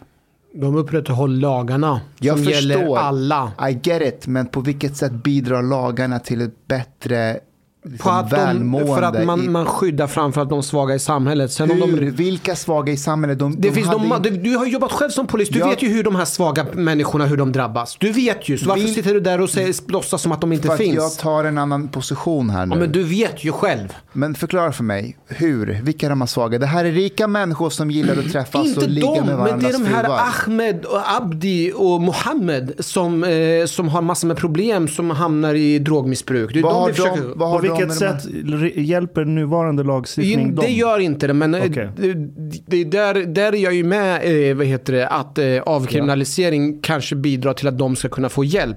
Men principiellt att saker och ting är olagligt, det, det, alltså det är grundläggande att alla måste följa lagarna. Nej men Hanif, Hanif, jag fattar. Men lagarna är ju inte heller skrivna i Moses stentavlor. Lagar går ju att ändra. Alltså, kvinnor hade inte rösträtt förr i tiden. Det var ju en lag. Men vi, vi ändrade det och samhället blev bättre. Det är ju samma sak nu. Man måste ställa sig frågan, gör det här samhället bättre? Mm. det är ju, eh, fängelsestraff är väl främst till för att ha en avskräckande eh, effekt. Och det kan ju vara eh, både och ibland eh, visst fängelsestraff i Sverige kan ju vara också att man indoktrineras i eh, Eh, kriminalitet. Och absolut, det finns ju olika studier, eh, visar för och emot ju. Eh, så det här de amerikanerna då, det lär väl vara då, tanken är väl att eh, fängelset ska ju avskräcka andra. Så visst är det andra i deras krets som avstår från det här. Då förhoppningsvis har det haft en positiv effekt. Men visst skulle ingen sluta med det och inte alls ha någon avskräckande effekt och alla skulle bli eh, eh, droga ännu mer. Visst, då är det ju fel. Ted, du, ja, du vart ju känd för mig, men många andra och framförallt i Sverige kopplat till en händelse på Medborgarplatsen va? Mm, mm. Vill, du- vill du berätta vad det var som hände? Så det här är, det här är alltså augusti 2017. 2017. Mm. Ta oss tillbaka dit. Jag och min kollega går längs Götgatan för vidare på en, en fredlig demonstration eh, där man demonstrerar att man inte ska då utvisa unga afghaner. Ehm, och det var pågått en demonstration i ungefär en månad. Det är sista dagen på den här demonstrationen. Jag och eh, min kollega och två stycken från Södermalm är där för att hålla, se till så att ingen ehm, gör demonstranterna illa och att demonstranterna håller sig till sitt. Ehm, men då är det en, ehm, en person eh, som har bestämt sig för att eh, ha ihjäl en polis. Eh, så när vi går där längs Götgatan så från ingenstans så blev jag knivhuggen i nacken bakifrån då. Eh, och det var ju någonting som skulle kunna bli min sista dag i livet. Det var ju bara ren tur att jag eh, klarar mig när en person hugger med full kraft en kniv snett uppifrån ner in i ryggraden så att eh, en kota går sönder och ryggmärgskanalen eh, också spricker så att det läcker ut ryggmärgsvätska. Och man behöver inte kunna mycket anatomi för att förstå vad som skulle kunna hända där. Men eh, lyckligtvis så eh, sitter jag här idag och personen blev gripen. Ehm, men det var ju väldigt eh, en händelse som har fått mig till att värdera om, värdera om mycket saker i mitt liv och ha kanske en annan förståelse för människor, eh, för mig själv och för brottsoffer och för eh, hela världsapparaten om man nu kan prata så stora ord. Du, du har sagt i, i intervjuer att eh, du vill försöka förstå eh, gärningsmannen. Eh, ska tillägga att det är, det är en landsman till mig. Det var en afghan, en ensamkommande vad vi vet. Mm. Eh, vad menar du med att du vill försöka förstå honom? Nej, jag tror alltså, jag vill inte förstå, eh, vill inte förstå honom. Visst, det hade ju varit intressant att veta exakt vad han ville och varför. Eh, varför han gjorde som han gjorde. Um, för då hade jag kanske kunnat uh, lägga band på vissa tankar. Om det till exempel bara var, oh här kommer en polis, jag ska ha ihjäl han. Eller om det finns ett större syfte. Eller om det var bara att man smäller en fluga på sommaren på väggen som kommer flygandes. Om man är värd lite mer än en fluga. Eller det var kanske ett, ett syfte, större syfte för hans del. Något politiskt eller någonting han ville säga med det här. Eller det var bara, jag vill ha ihjäl en polis för jag hatar hade, poliser. hade det spelat någon roll? Kanske egentligen inte. Ehm, nej, det vet jag i och för sig inte om det har spelat någon roll. Men mm, Ehm, var den här killen påverkad av narkotika? ingenting. Nej. Ingenting. Han var helt nykter. Mm. In, inte ens rökheroin? Inte ens rökheroin, nej, nej. Inte den dagen. Eh, okay. Eh, Ted, när jag eh, har hört den här berättelsen så blir jag, jag tänker så här. Eh, jag har själv aldrig blivit utsatt för något våld på det här sättet. Men jag tänker att det måste ha gått igenom många så här existentiella frågor inom dig. Eh, där det måste vara många tankar som har dykt upp. Eh, och att, hur länge, vill du, vill du berätta om det lite grann? Ja, nej men eh, absolut. Först när jag eh, fick den här smällen, jag trodde att jag hade fått någonting, något stort över mig, att jag blivit slagen med en slägga eller något sånt här. Så det var ju först när jag såg kniven, när den här gärningsmannen sprang iväg, som jag förstod att den här kniven har varit inne om och vänt i mig. Och att det var ju det här eh, smällen, förmodligen han träffade ryggraden, som gjorde att det kändes som en slägga. Men det är ju, vad var det, en 30 cm lång kökskniv och det var tack vare att den var så pass lång så gick det inte rakt genom ryggen. Hade det varit en byggkniv, så rent de här fysiska lagen, då hade den förmodligen, för den här kniv, långa kniven har ju wobblat lite. Så kraften har ju fördelats på bladet och därför så, på grund av det har jag förmodligen klarat mig. Ehm, och så att um, jag har ju förstått där och då tänkte jag, jag hoppas ingenting är förstört inne i mig för jag kände hur fingrarna gick ner i, i, liksom i halsen och nacken. Uh, och man vet hur mycket inre skador kan påverka så jag var ju väldigt nervös för att gå, om det var nerver som var skadade. Man vet ju olyckor i, i ryggen nu, uh, eh, att det kan ju så. Så det var jag väldigt nervös för men sen när jag kom in till sjukhuset så förstod jag att jag kommer ju klara mig. Eh, och sen har jag väl liksom smärta kvar. Men i efterhand har jag förstått att hur nära det var att det bara kunde bli svart på, eh, man bara går liksom. Och sen skulle livet kunna vara slut. Du, du har ju berättat att när du sitter på rättegången där Mm. så är det första gången du får höra liksom, rättsläkaren säga att så här nära var det och då hade inte Ted Eriksson suttit med oss här idag. Ja precis, hon nämnde ju att hon uttalar sig aldrig om hypoteser. Men i det här läget så, så kan jag säga att det är bara tur att Eriksson sitter där han sitter. Hur, hur kändes det att höra något sånt? Det kändes väldigt, väldigt märkligt och att sitta och se sin pappa som sitter där och titta och lyssna på allt det här också. Det, ja. Man blir man blir väldigt glad att man, att man finns kvar och sen blir man väldigt tacksam. Det är många tankar som går igenom och sen var jag tacksam för att man är, är där man är, man har haft en uppväxt som man har haft. Man, um, ja, man, man, blir, man blir ju liksom också uh, lite vad ska man säga, ödmjuk till livet och ödmjuk till andra människor. Och sen det här har också genererat att man blir väldigt engagerad i när andra människor far illa och med krig och med flykt och med um, ja, men människor som utnyttjar andra människor. För det är ju en hård värld vi lever i på många sätt. Um, och man vill, ett tag så vill man liksom rädda alla, men det går inte. Ja. Så att, um, ja. Jag tänker, vore det inte orimligt om du kunde känna ett visst agg och hat mot det som har skett? Jo, absolut. Jag, eh, I början var jag ganska så här, kände liksom hämnd och mm. hat och hur kan en människa göra så här och åstadkomma för, för som sagt mina vänner och min familj. De var ju väldigt påverkade, lika mycket som mig på ett sätt. Och jag blev irriterad att den här personen har skadat folk i min närhet. Jag klarar mig men jag mådde ju dåligt för andra också. Um, och sen så kunde jag inte riktigt berätta hur jag själv mådde för jag ville inte oroa någon annan heller. Men i början så kände jag att det här hatet och hämnd, det gjorde ju bara att jag mådde, jag mådde ju sämre, mycket sämre eh, när jag hade de här tankarna. Um, och det gäller ju, tror jag, alla som går runt och stör sig på människor. Jag hatar det, jag tycker det är, jag hatar den, jag ska hämnas på det. Det leder liksom oss ingen vart. Alltså det är, jag vet inte, det är som en gunga, man har någonting att göra, man Ni kommer vet ingenstans. han eh, skådespelaren eh, Liam Neeson, Mm.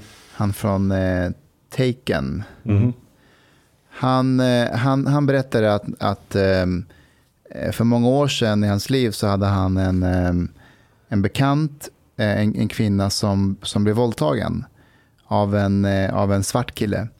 Och, ah, och att han, han var så arg och, och ville hämnas så att han under en veckas tid eh, beväpnade sig med tillhyggen och var ute och letade efter svarta människor att göra illa. Eh, och han var väldigt öppen med det här i någon intervju för att filmen som skulle släppas handlade, handlade om hämnd. Alla ni som filmar handlar i och för sig om hämnd, men eh, det här var ytterligare en. Men, men det som jag tyckte var så fint från hans sida var ju liksom att han var så öppen med det här och berättade att ja, men så här kände jag. Jag ville göra illa svarta människor för att en svart person hade gjort illa en bekant till mig. Och nu liksom i efterhand när jag tänker tillbaka så var det ju det var en hemsk känsla jag hade. Alltså varför hade jag det? Och jag har funderat väldigt mycket på det. Så jag tänkte, har du haft, jag menar nu var det ju nu var det en afghan som, som gav sig på dig och, och det här var en tid då afghaner var i offentligheten med, med, med amnestilagar och sådär. Mm. Hade du något liknande eller var, var det liksom, var det de känslorna du hade, var det mot en individ eller var det mot nationalitet, människor? Nej, Alltså jag, jag blev ju delvis alltså, irriterad på den här människan för jag fattar ju att, för att det var ju, vi hade ju, det var ju mycket afghaner, mycket på tapeten. Visst det är ju mycket nu också men nu är gränserna mer eller mindre stängt och vi har inte riktigt samma inflöde och, och så här. Men den här, jag kände ju att äh, afghaner blev också rädda för polisen. Och jag har sagt att jag blev inte polis för att skrämma människor. Och för just det här med hat och rädsla eh, gör ju att folk gör idiotiska grejer, rent ut sagt. För att man är rädd för det okända. Och därför så bygger man ju upp någonting för att man tror att den människan är så, det landet är så. Och detta byggde ju på det här. Um, så det vill jag på något sätt motverka för dels blir kanske vi, vad ska man säga, svenskar rädda för andra eh, flyktingar. Eh, poliser kan bli mer restriktiva på grund av detta som hände. Så att det föder det blir en väldigt stor spiral där folk blir rädda i samhället. Och Men att- upplevde du något liknande mot liksom, Nej, men, nej alltså jag kände, som sagt min bästa kompis, han är polis i Malmö, han är från Afghanistan. Och han var ju väldigt arg. Han sa att jag, jag kan ta hand om den här personen, eh, vi löser det. Eh, lite skämt åsido liksom. Men ehm, nej, jag, jag, jag kände inte att jag hade någonting agg mot eh, afghaner. Absolut inte. Jag kände att jag, måste, jag vill motbevisa det här, för jag fattar ju att det här är en persons ehm, eh, som åstadkommer det här. Inte vad alla de här människorna eh, som var här tycker. Men det var också svårt att förhålla sig till det. För att människor känner, det känns lite som att nu måste du vara arg, nu måste du hata andra, hämnas. Liksom det är det första primitiva man tänker. Eh, för att man ska ge igen. Men återigen, det får bara mig att må sämre. Eh, jag, jag tänkte, för jag, min, min syster sa eh, till mig att han var bara värd liksom en kula för henne. Och pappa sa, men tänk om jag får ett ryck på han i rättegången och bara ja, gör mig olycklig på honom. Eh, men det var ju också så, saker de sa liksom i ren affekt. Och eh, jag skulle inte vara stolt över min pappa eller min syster om de hade strypt ut honom. Och det skulle inte de vara över, över sig själva heller. Um, för det skulle bara skapa mer elände. Jag är lite nyfiken på när du kände det här ilska och hatet instinktivt. Hur, uh, hur, hur valde du att jobba med det här? Hur, hur jobbar du själv med dig själv för att kunna motverka den här frustrationen, irritationen och hatet som du kände i början? I, I början var det ändå det var svårt, jag bodde liksom själv, hade ingen eh, ja, partner att kunna reflektera det här med. Eh, och jag, vill, jag kunde liksom inte vara helt ärlig med vad jag kände till mina nära och kära för att de mådde ju dåligt det också. Jag, ville ju, jag sa ju att ja, men det är inga konstigheter. Eh, så det jag gjorde för att Ja, jag pratade mycket om träning innan, men det bästa var alltså en löprunda och Eh, få ut sin, eh, sina aggressioner eh, genom fysisk aktivitet när jag väl kunde göra det, när jag kunde röra mig utan att ha ont. Men ehm, det här ilskan den kom och gick. Jag fick påminna mig om att nu är jag arg igen och nu mår det bara dåligt över det. Så jag fick liksom bara påminna mig själv att det här leder inte någon vart när jag är arg. Och visst, jag pratar med psykolog också, har liksom också, som har berättat för mig, men tänk igenom, vad tänker du? Och skjut inte bara undan tanken. För oftast var det så, nu, nu är jag förbannad och då bara slängde jag iväg den här bollen. Och ju hårdare jag slängde iväg den, desto snabbare kom den tillbaka. Så jag fick, det fick successivt um, försvann det. När jag tillät mig att tänka igenom vad som hade hänt. Mer tacksam över att man är kvar. eh, att man har sin familj och vänner och så här. Så att in med positiva grejer och bort med det här. Hur, hur var stämningen i rättssalen? Jag antar att ni inte sågs sen dådet eh, eller sen attacken Nej. tills att ni satt där i rättssalen. Nej, stämningen var ju ganska tryckt om man säger. Eh, den här personen valde att inte säga ett enda ord i uh, rättssalen. Så när han kom in där, han hade ju handfängsel både fram och bak och på benen. Och, eh, med väldigt eh, mm, liten, smal människa. Och då tänkte jag också, hur kan den här lilla människan åstadkomma så här mycket elände? Så eh, Visst, jag kommer ihåg att eller, jag blev helt pigg på kroppen när han kom in, men jag kände också... Jag kände någonstans att... Eh, att alltså synd om den här människan, inte synd synd, men att det är... Vad har hänt liksom? Vad har hänt? eh, varför har han gjort så här? Och vad... mm, Han har kastat bort sitt liv. Jag vet inte vad som har hänt. Jag vet inte vem det är. Liksom. Rätt om jag har fel, men var det inte så att den här killen klassades som någon minderårig eller någonting?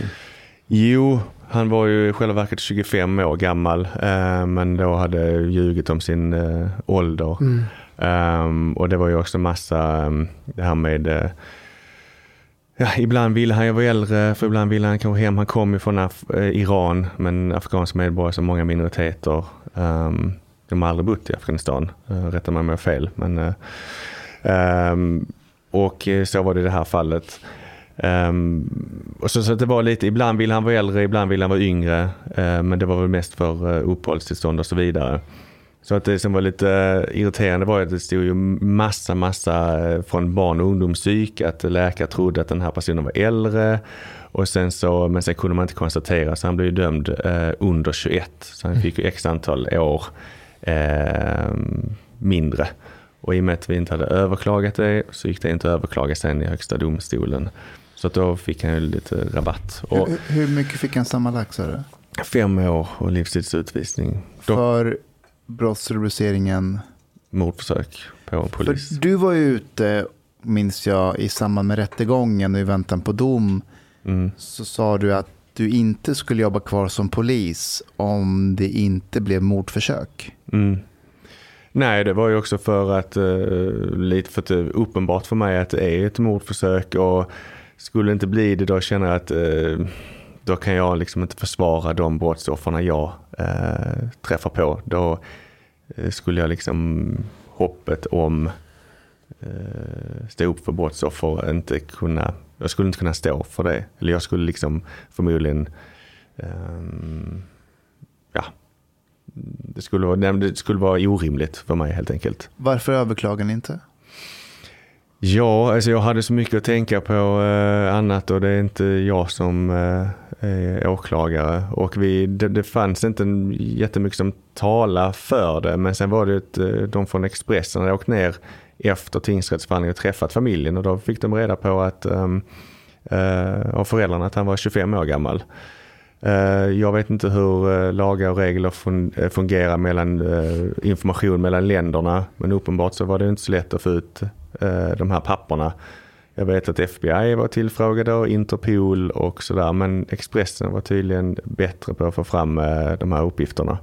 Men då var det för sent. Eh, och visst, jag sa att åldern är fel. Jag sa i första förhöret att den här personen är 25 år gammal. 25-30 år. Och det sa ju alla mina kollegor också. Men det ska ju bevisas. Sen är det någonting som jag måste lägga bakom mig också att ehm, det, det, det är rätten som ska avgöra det. Det är inte jag som ska bevisa hur gammal den här personen är. Jag hade liksom mer tid för att läka mig själv. Eh, så att det blev för mycket för mig att blanda in eh, överklagan och så vidare. Sen absolut så inget fel på åklagaren. Det var, gjorde ett bra jobb och så. Men ibland blir det som det blir liksom. Man, eh, man tänker att vi kommer inte komma fram till det. Men facit hand så absolut, det är ju, man kan absolut överklaga. För det är ändå eh, rätten som ska avgöra. Liksom vi poliser ibland, eh, det är inte vi som ska avgöra brottet, det är ju tingsrätten och domstolarna.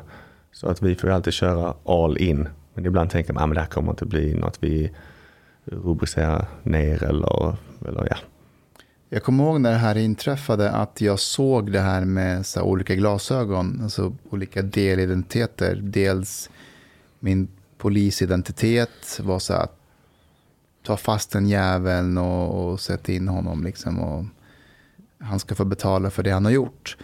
Och så min afghanska identitet som var så här, fan också vara en afghan, liksom nej. Och så min svenska som var så här, den där jäveln ska utvisas, liksom, vad fan gör han här?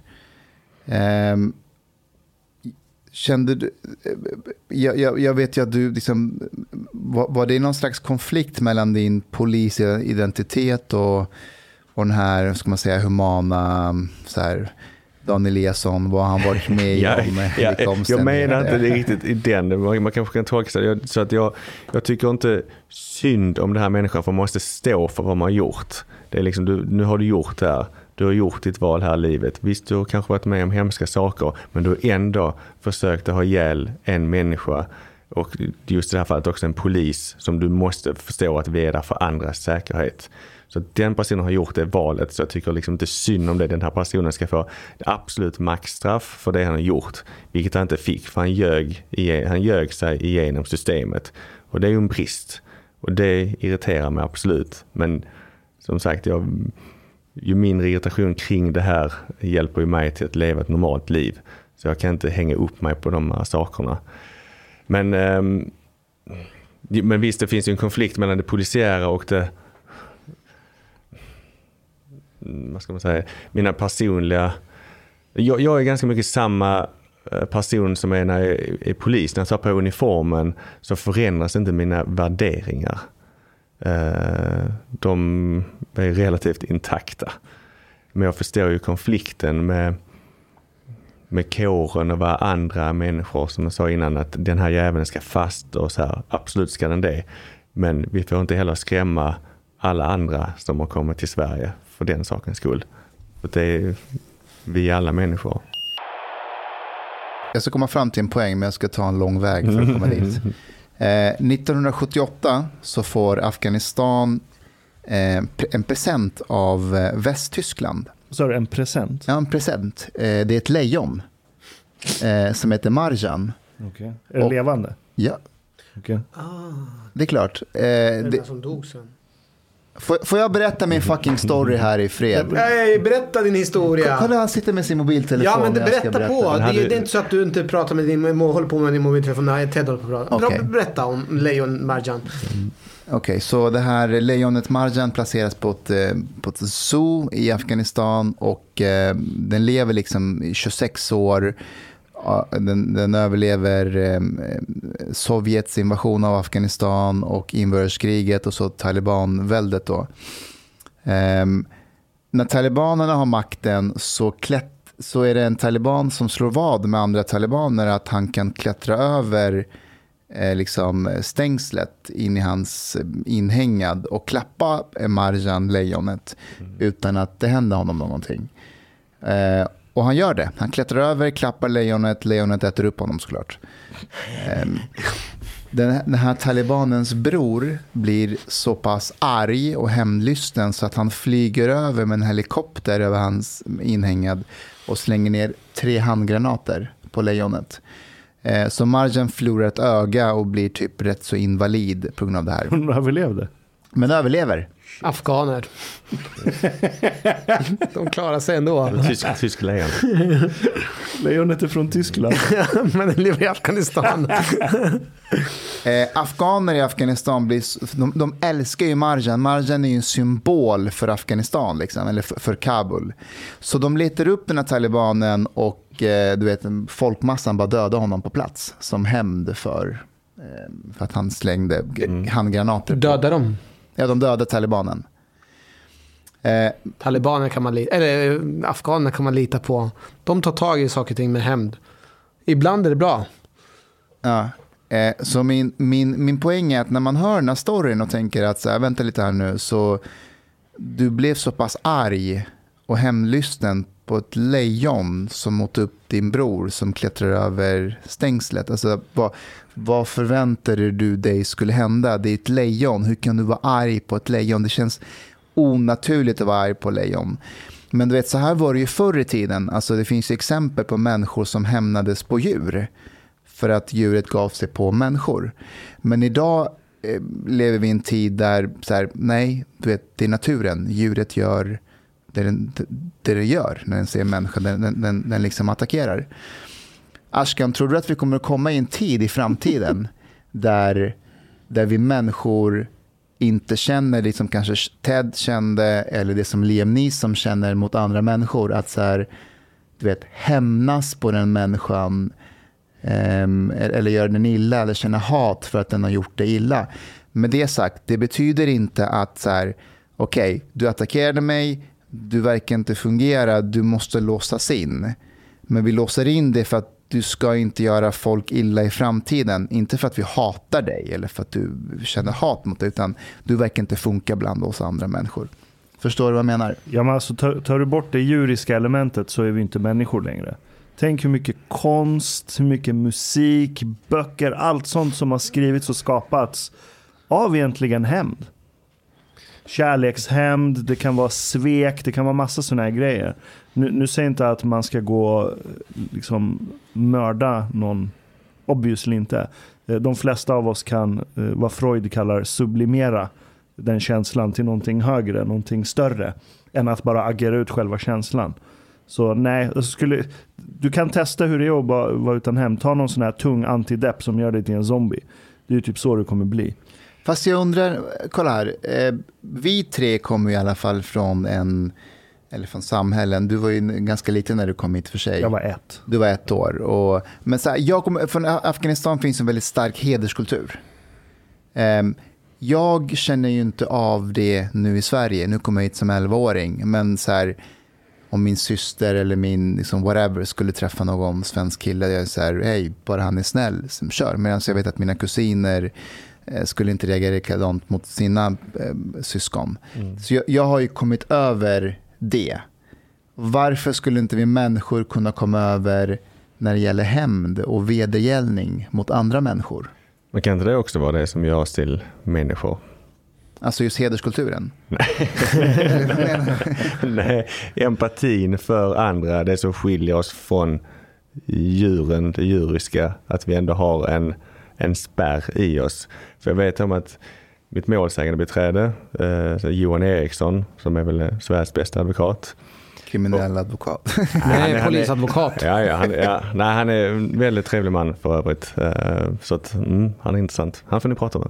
Han är välkommen. Ja, eh, nej, för han berättar också en historia för mig för just det här. För jag berättade, pratade med honom om det här med hämnd och han har ju haft många klienter. Ju, så här. Eh, nu, nu kommer jag inte ihåg exakt vad han berättade, men det han sa det var att det fanns, om det nu var indianer, det kan vara något annat, men i varje fall, det har hänt någonting. Om någon har, hade haft ihjäl en familjemedlem eller någon man känner, så fick eh, den här gärningsmannen och eh, familjemedlemmen eller då målsägarens eh, kompis åka ut i en båt, en kanot, ut i vattnet och sen så har den bundit en stor sten runt den här gärningspersonen. Så att vill den här personen eh, hämnas så är det bara att kasta i stenen så kommer den här personen ju drunkna. Så du kommer ha ihjäl den här andra människan.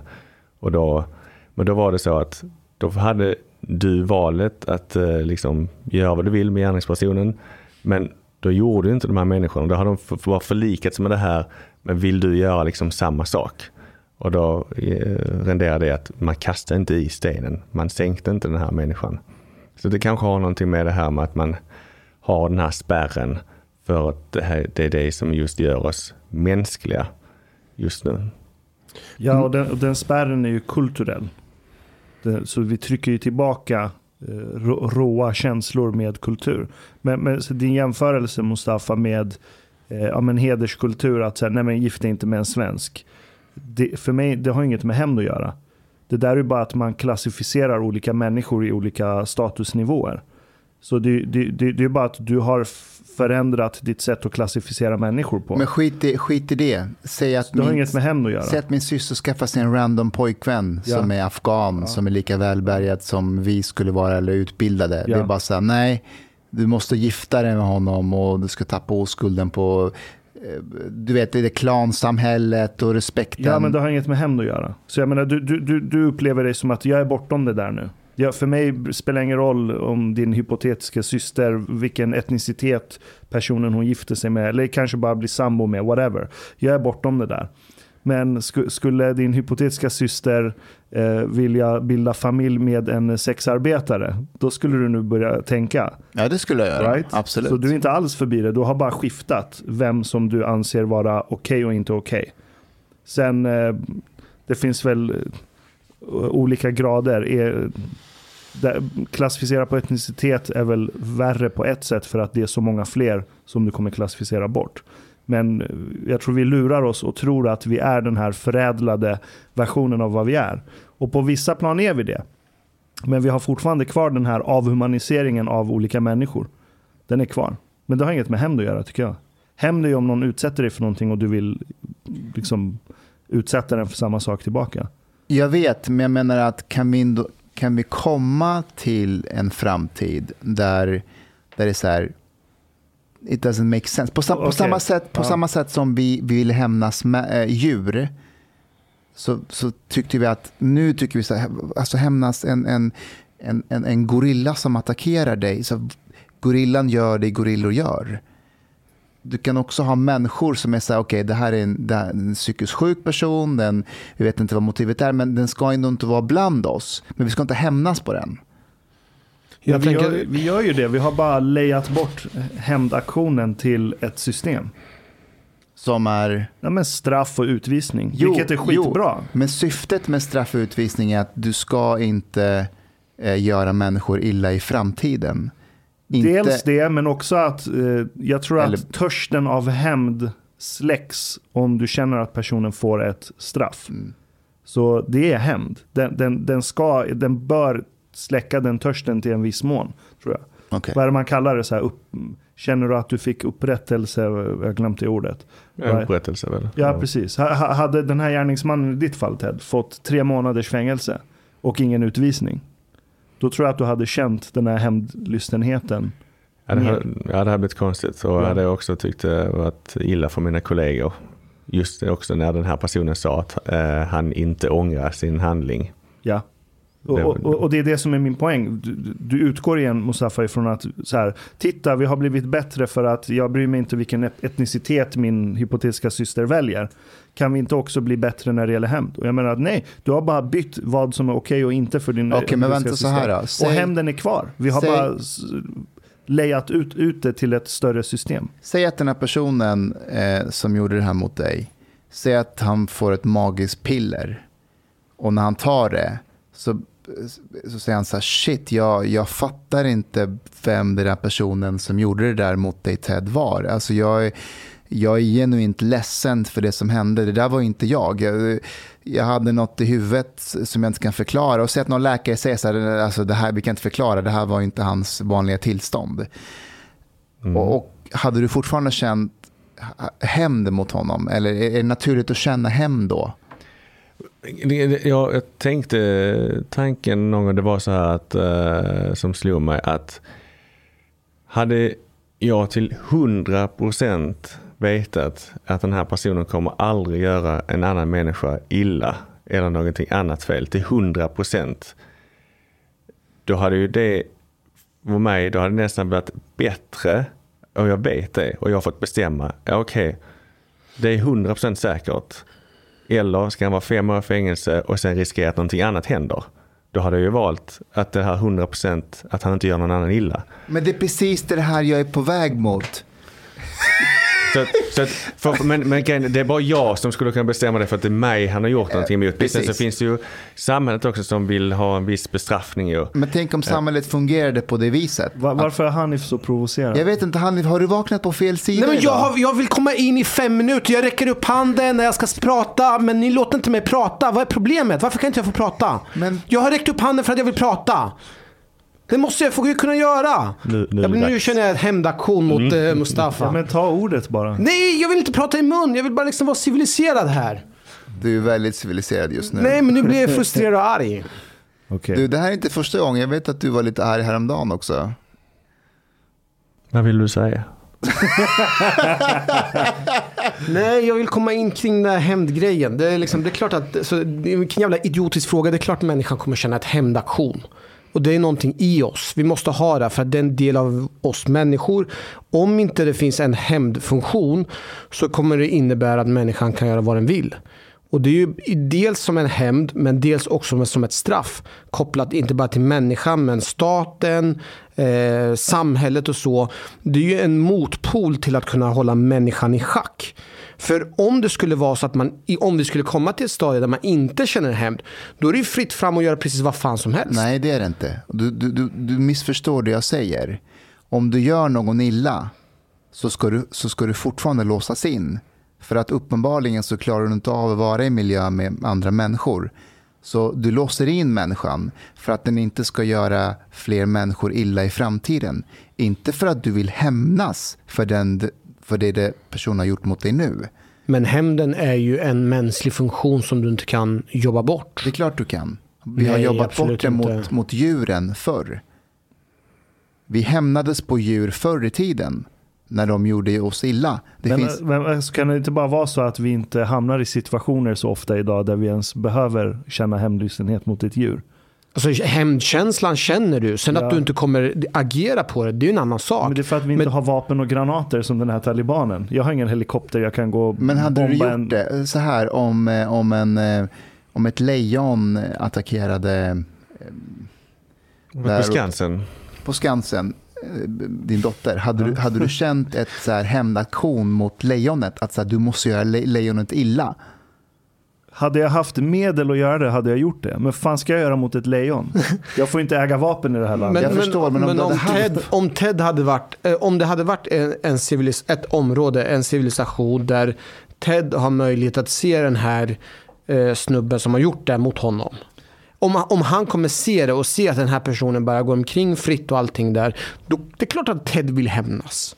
Ja, det, alltså- det, finns, det är ju i Ted som människa att man vill hämnas. Ja, och, och jag, jag hade inte velat hämnas på lejonet för att det är precis för att den gör det den skulle göra. Jag får skylla mig själv som gick där. Men om jag går ute på stan och helt oprovocerad blir attackerad, nedslagen eller knivhuggen för den delen.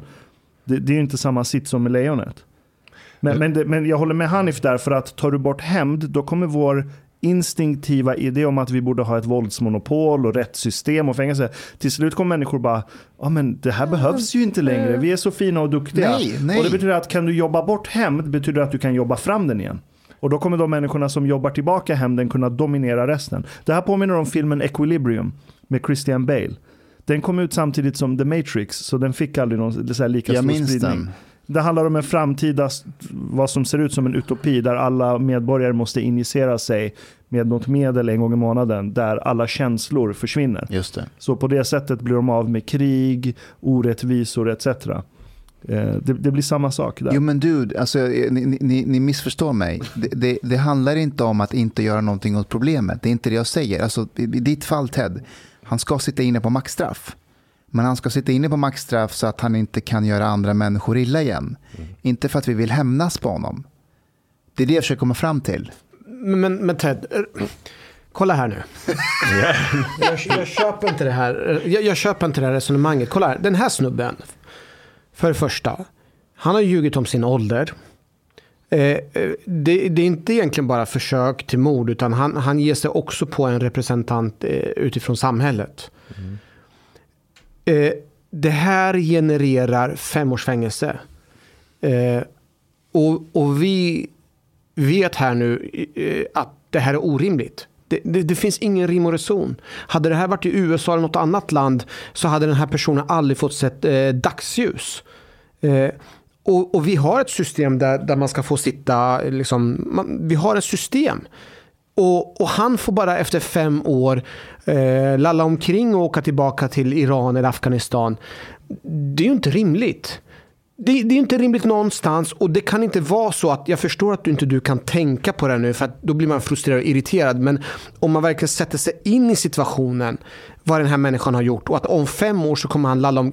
Och, visst är det så att han kommer bara få tre fjärdedelar av straffet. Det innebär att han är efter tre och ett halvt år. Två tredjedelar. Eh, Och, och vi lever i ett samhälle där, där hämndkulturen du säger är liksom, vi har ju många, 30% med, med utländsk bakgrund där hämnd, hämnd 20 procent. 20% är, alltså där man känner att, liksom, att det är en viktig del av en människa. Det finns ingen rim och reson i det här straffsystemet. Och då, då kickar det här hämnden in. Så om du kommer se honom så, så vill du hämnas. Det innebär, inte, det innebär inte att du kommer hämnas. Men det är klart att du känner att du vill hämnas. Ja, men alltså... Nja, nej. Jag Alltså grejen är lite Tack, också för att jag, jag har eh, också för att det, det, det som jag har också lärt mig vid det här i och med att man, man mår dåligt och så här av hämnden här också. Om jag, nu låter det jättefint och så här men alltså om jag skulle hämnas på den vad skulle hans familj och släktingar göra? De skulle förstå det, de skulle förstå ja, det. Kanske, men mot min familj och mot andra mina kompisar. Det som jag har gjort är ju att, eller min, som sagt min syster är polis, min pappa är polis och ni poliser, alltså många här eh, och många kompisar. Jag skulle aldrig vilja göra någonting mot en person som riskerar att skada någon som jag känner eller någon annan heller på grund av mitt hämndbegär. Det är inte, det är inte värt det. Du Men- tänker på konsekvensen Ja, jag- av, på- av hämnden, men hämndbegären är Det- i dig som människa. Den finns där. Du tänker tanken att du skulle vilja göra det. innebär inte att du kommer göra det. Hanif, ingen säger att man inte får känna hämnd. Jag säger, Jo, ju men det är att- det du säger. jag säger att den är naturlig att känna. Jag som säger, kommer tas bort. Det kommer inte göras. Jag säger inte att den ska tas bort. Jag säger så här, kan, tror att vi kommer komma i en framtid där vi kan träna bort den? Och, och som svar så... Idag känner jag faktiskt ingen hämnd mot den här personen. Noll. För han är inte värd det ens. Han är inte värd en sekund av min tanke egentligen. Så egentligen har vi pratat helt för mycket om honom. Och jag Nej, har- det, det, det, du har helt rätt så att, i. så du, att, har, du har eh, helt rätt. Det är Fast egentligen har vi inte pratat om honom. Nej, har vi har- vi pratat om- just- om händelsen och så. Om, om, om en, en filosofisk fråga om, Ja. om vedergällning och Exakt. hämnd och straffsystem. Eh, Får jag bara återkoppla? För du sa att ett sätt som du jobbar med det här, det var ju att du tränar väldigt mycket. Eh, nu har inte jag fått en kniv, kniv i ryggen. Men jag känner mig liksom, eh, alltså vad är det, karaktärsmördad av, av den här BLM-representanten. Och jag kommer ihåg att eh, alltså jag har aldrig sprungit så snabbt. Eh, när jag var ute och sprang regelbundet. Jag sprang i Ursvik. Alltså jag tror jag aldrig sprungit så snabbt i hela mitt liv som när jag tänkte på den händelsen. Jag tänkte att du måste ha tränat, du måste ha blivit sjukt vältränad varje gång du kände en ilska. Jo, jo, absolut, absolut. Det har man kunnat använda eh, ilska till att uh, Ja, som bensin till träning och annat, absolut. Man kunde lika gärna fått ätstörningar. ja, ja men precis. Det kan, ju- man får bara vara, eh, kommer in där på gener igen kanske. Man får vara glad för dem att hjärnan funkar på ett visst sätt. Visst man kunde haft PTSD och allt möjligt ju. Har ni debriefing i Sverige? Ja, men man, jo, faktiskt så här när man har gjort så här ingripande Ja. och man inte är helt nöjd så kan man oftast ta eh, och samtala efteråt. Aha. Och jag ska berätta att det är skillnad, det är skillnad på område och område hur mycket man gör så. Men eh, när jag jobbade på ordningsenheten då hade vi inte så mycket så här, återkopplande samtal. Men sen när jag kom till Rinkeby och Järva då hade vi nästan hela tiden. Och det var det som gjorde att vi svettades, svetsades samman. Eh, Och det visar ju egentligen på en form av mognad. Att man kan vara öppen och prata om saker och ting. Och tanken är att man ska försöka lära sig mer av varandra till nästa gång. Så att de, de här liksom tillfällena är skitviktiga. Eh, Och det är liksom feedback och man ska lyssna och man ska liksom helst inte invalidera någon utan man ska låta så här, ja men jag förstår hur du tänker, jag tänkte så här. Ja. Okej, så nu ska vi lyssna på dig Hanif. Du, du, du fick ett utbrott här idag. Vi men jag, jag känner så här att ehm, jag förstår att det finns jättemycket grejer som jag är helt ointresserad av och då, då lyssnar jag på det. När vi hamnar om principgrejer, jag, jag fattar att ja, men det kommer vara mycket principiella grejer som, som jag tappar mig, jag har ointresse, men det är en del i allt det här, det är att vi, vi ska prata om principiella grejer. Men kan du ge ett exempel på i principiella grejer vi hade med polisen Ted här som du inte var så intresserad av? Alltså när, du vi, när, vi hamnar, när vi hamnar i principer kring lagar och rätt eh, kopplat till prostitution och människohandel och kopplat till narkotika så då går vi in, vi, vi är ju inte, vi konkretiserar inte, vi pratar mer idéer kring hur saker och ting ska vara. Och generellt sett så är inte det eh, det är inte mitt intresseområde. Men, men jag, jag, jag lyssnar och jag, jag försöker bidra med det lilla jag kan. Ofta så sitter jag tyst och lyssnar. Kolla i din mobil. Vad sa du? Titta Nej, men inte så mycket. Ja, men lite grann. Eh, men sen så har jag eh, också intressen och framförallt det jag tycker är intressant för, som jag tycker i, Ted, i Teds fall, det är att han har blivit utsatt för ett mordförsök. Jag är, skit, alltså jag är skitnyfiken på riktigt höra hur han har hanterat det här under... Alltså det här, Ted har ju inte han, har inte... han, eh, han har inte ens pratat om det ordentligt. Han, han pratar ro, runt området. Eh, jag vill liksom gå in och prata liksom hur han har tänkt sig, hur han har jobbat med det, hur han har jobbat med det i sociala medier. Jag är skitintresserad. Det här är sånt frågor som jag har ställt frågor till honom förut och jag får inte riktigt, han, han säger inte hela sanningen heller. Och jag vill liksom, jag vill där och grotta. Det är mitt intresse. Så jag, så jag sitter här och låter honom få prata till punkt. Men innan han får prata till punkt för att jag ska komma med en följdfråga, då hijackas ämnet kring någon jävla lejon i Afghanistan. eller, eller, eller det kommer in på någon sån här film som, som är helt... Alltså, vi är inne på någonting viktigt. Du Och- är inne på något viktigt tycker du. jag initierar det och vill liksom kunna komma med följdfrågor, men jag kommer inte komma dit. Och jag förstår att vi inte kommer komma dit om Chang är med. Jag förstår att om Omar är här, Omar är laid back, han säger ah, men låt Hanif göra sin grej. Men du kommer in, hijackar och bara liksom helt respektlös. Helt respektlös ska prata om filmer och prata om lejon och grejer. Och jag känner så här, fan, jag var på väg någonstans och vi hade en teori om att man ska sparka på varandras ben men nu står vi så långt ifrån varandra. Jag hade inte ens möjlighet att sparka på ditt ben. Vet men du- där känner jag att jag skulle vilja, jag vill, jag vill uttömma den frågan. Jag, jag känner att jag vill gå tillbaka och hämta Ted igen och prata om de här frågorna alltså igen. Du, jag, jag, jag, nu när du berättar det här så förstår jag ditt agerande nu Mm. i efterhand. Varför du blev så frustrerad. Eh, och jag, jag, jag försöker vara lösningsorienterad. Jag fattar, du, du vill gå in på det emotionella. Mm. Eh, jag är Du vill ha en söndagsintervju med honom. Ja, det, det, ska, det, det, är ju, det, är ju, det är ju, vad ska man säga, det är ju eh, dynamiken mellan principer, känslor och de här grejerna som gör, så som jag uppfattar att det här blir intressant. Inte bara att vi pratar om eh, principer. Okej, Okej, men jag har en lösning. Jag har förslag på en lösning. Eh, vi skaffar, jag hittar inte på, jag är allvarlig. Vi skaffar en sorts här, en fin lampa med en behaglig färg, en liten lampa. eh, och så en knapp kopplad till den.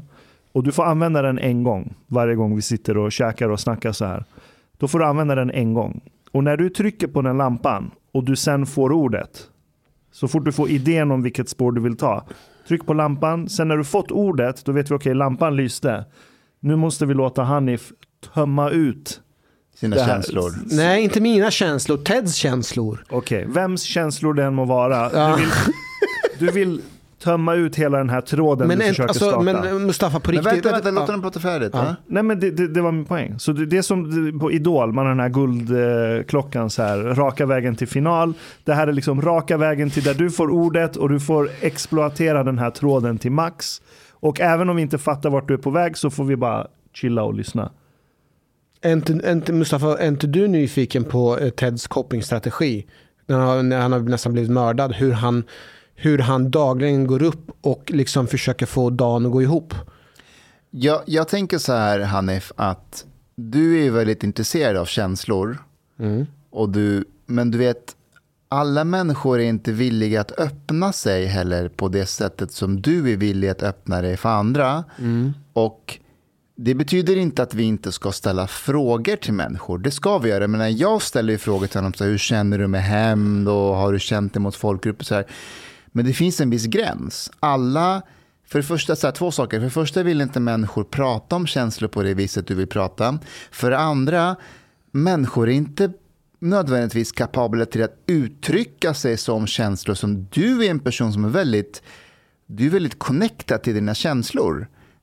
Ah, Många människor eh, är inte det på samma sätt som du Ja, är. och jag tycker det är värdefullt att du är det, men när, när du kommer in i ett sånt mode, jag kan inte läsa av det på dig. För ty, jag har svårt att se sånt. Ja, men, så så jag, kan, jag ser inte det du känner just nu. men jag, Eller nu gör jag ja, jag men- fattar. Men, och, och jag förstår det, men jag tycker ändå någonstans att det finns två grejer som jag tänker. För det första det är att jag respekterar en person som väljer att säga nej, jag vill inte prata om det. Det här vill inte jag prata om. Det är jätteenkelt.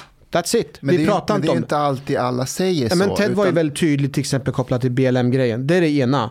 Sen det andra som jag tycker det är att väljer man ändå någonstans att eh, ställa upp på en intervju och framförallt kopplat till Ted. Ted har varit offentlig med vad, vad han har varit med om.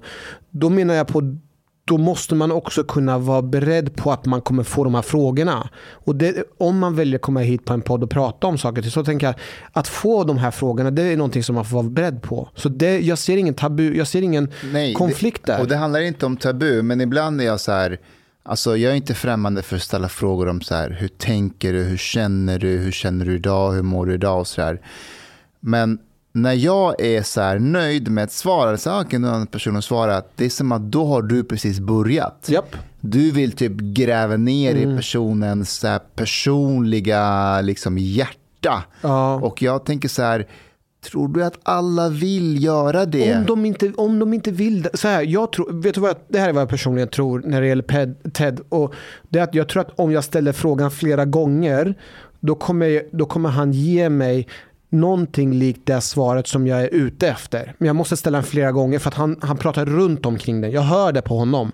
Han pratar om, han svamlar om andra grejer och jag, får, jag har inte fått svar på min fråga ens en gång. Men då kanske han inte vill prata om det känslomässiga, men han kan inte säga så här, du Hanif Azizi, jag vill inte prata om känslor med dig nu. Nej men då, då får, om jag har ställt den flera gånger och han till slut inte svarar på det, då är det en sak. Men jag tänker så här att jag vill ge honom jag, det var ju samma sak egentligen med, vad heter han, eh, Micke. Eh, Läraren. Ja, det är samma Rektorn. sak med Aron.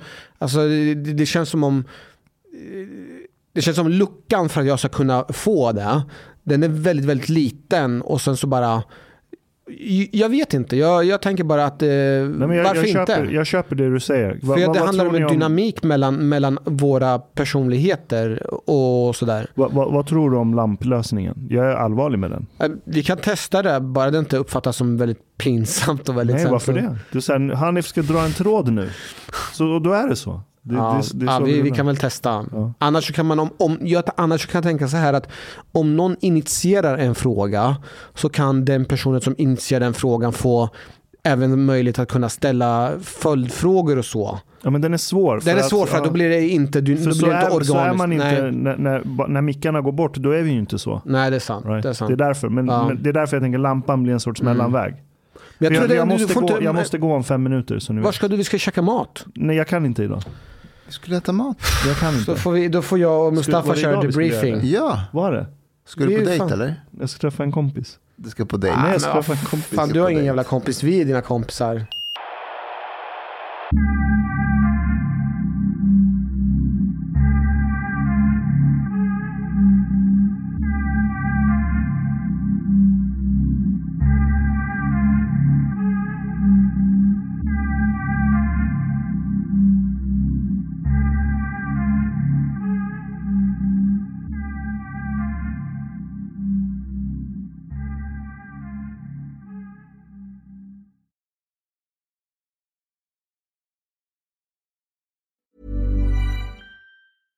Ever catch yourself eating the same flavorless dinner three days in a row? Dreaming of something better? Well, HelloFresh is your guilt-free dream come true, baby. It's me, Kiki Palmer. Let's wake up those taste buds with hot, juicy pecan-crusted chicken or garlic butter shrimp scampi. Mm. Hello Fresh. Stop dreaming of all the delicious possibilities and dig in at HelloFresh.com. Let's get this dinner party started. Hi, I'm Daniel, founder of Pretty Litter. Did you know cats tend to hide symptoms of sickness and pain? I learned this the hard way after losing my cat, Gingy. So I created Pretty Litter, a health monitoring litter that helps detect early signs of illness by changing colors, saving you money and potentially your cat's life. Pretty Litter is veterinarian developed, and it's the easiest way to keep tabs on your fur baby's health right at home. Go to prettylitter.com and use code ACAST for 20% off your first order and a free cat toy. Terms and conditions apply. See site for details. Hey, it's Paige DeSorbo from Giggly Squad. High quality fashion without the price tag. Say hello to Quince. I'm snagging high-end essentials like cozy cashmere sweaters, sleek leather jackets, fine jewelry, and so much more. With Quince being 50 to 80% less than similar brands. And they partner with factories that prioritize safe, ethical, and responsible manufacturing. I love that. Luxury quality within reach. Go to quince.com slash style to get free shipping and 365 day returns on your next order. Quince.com slash style.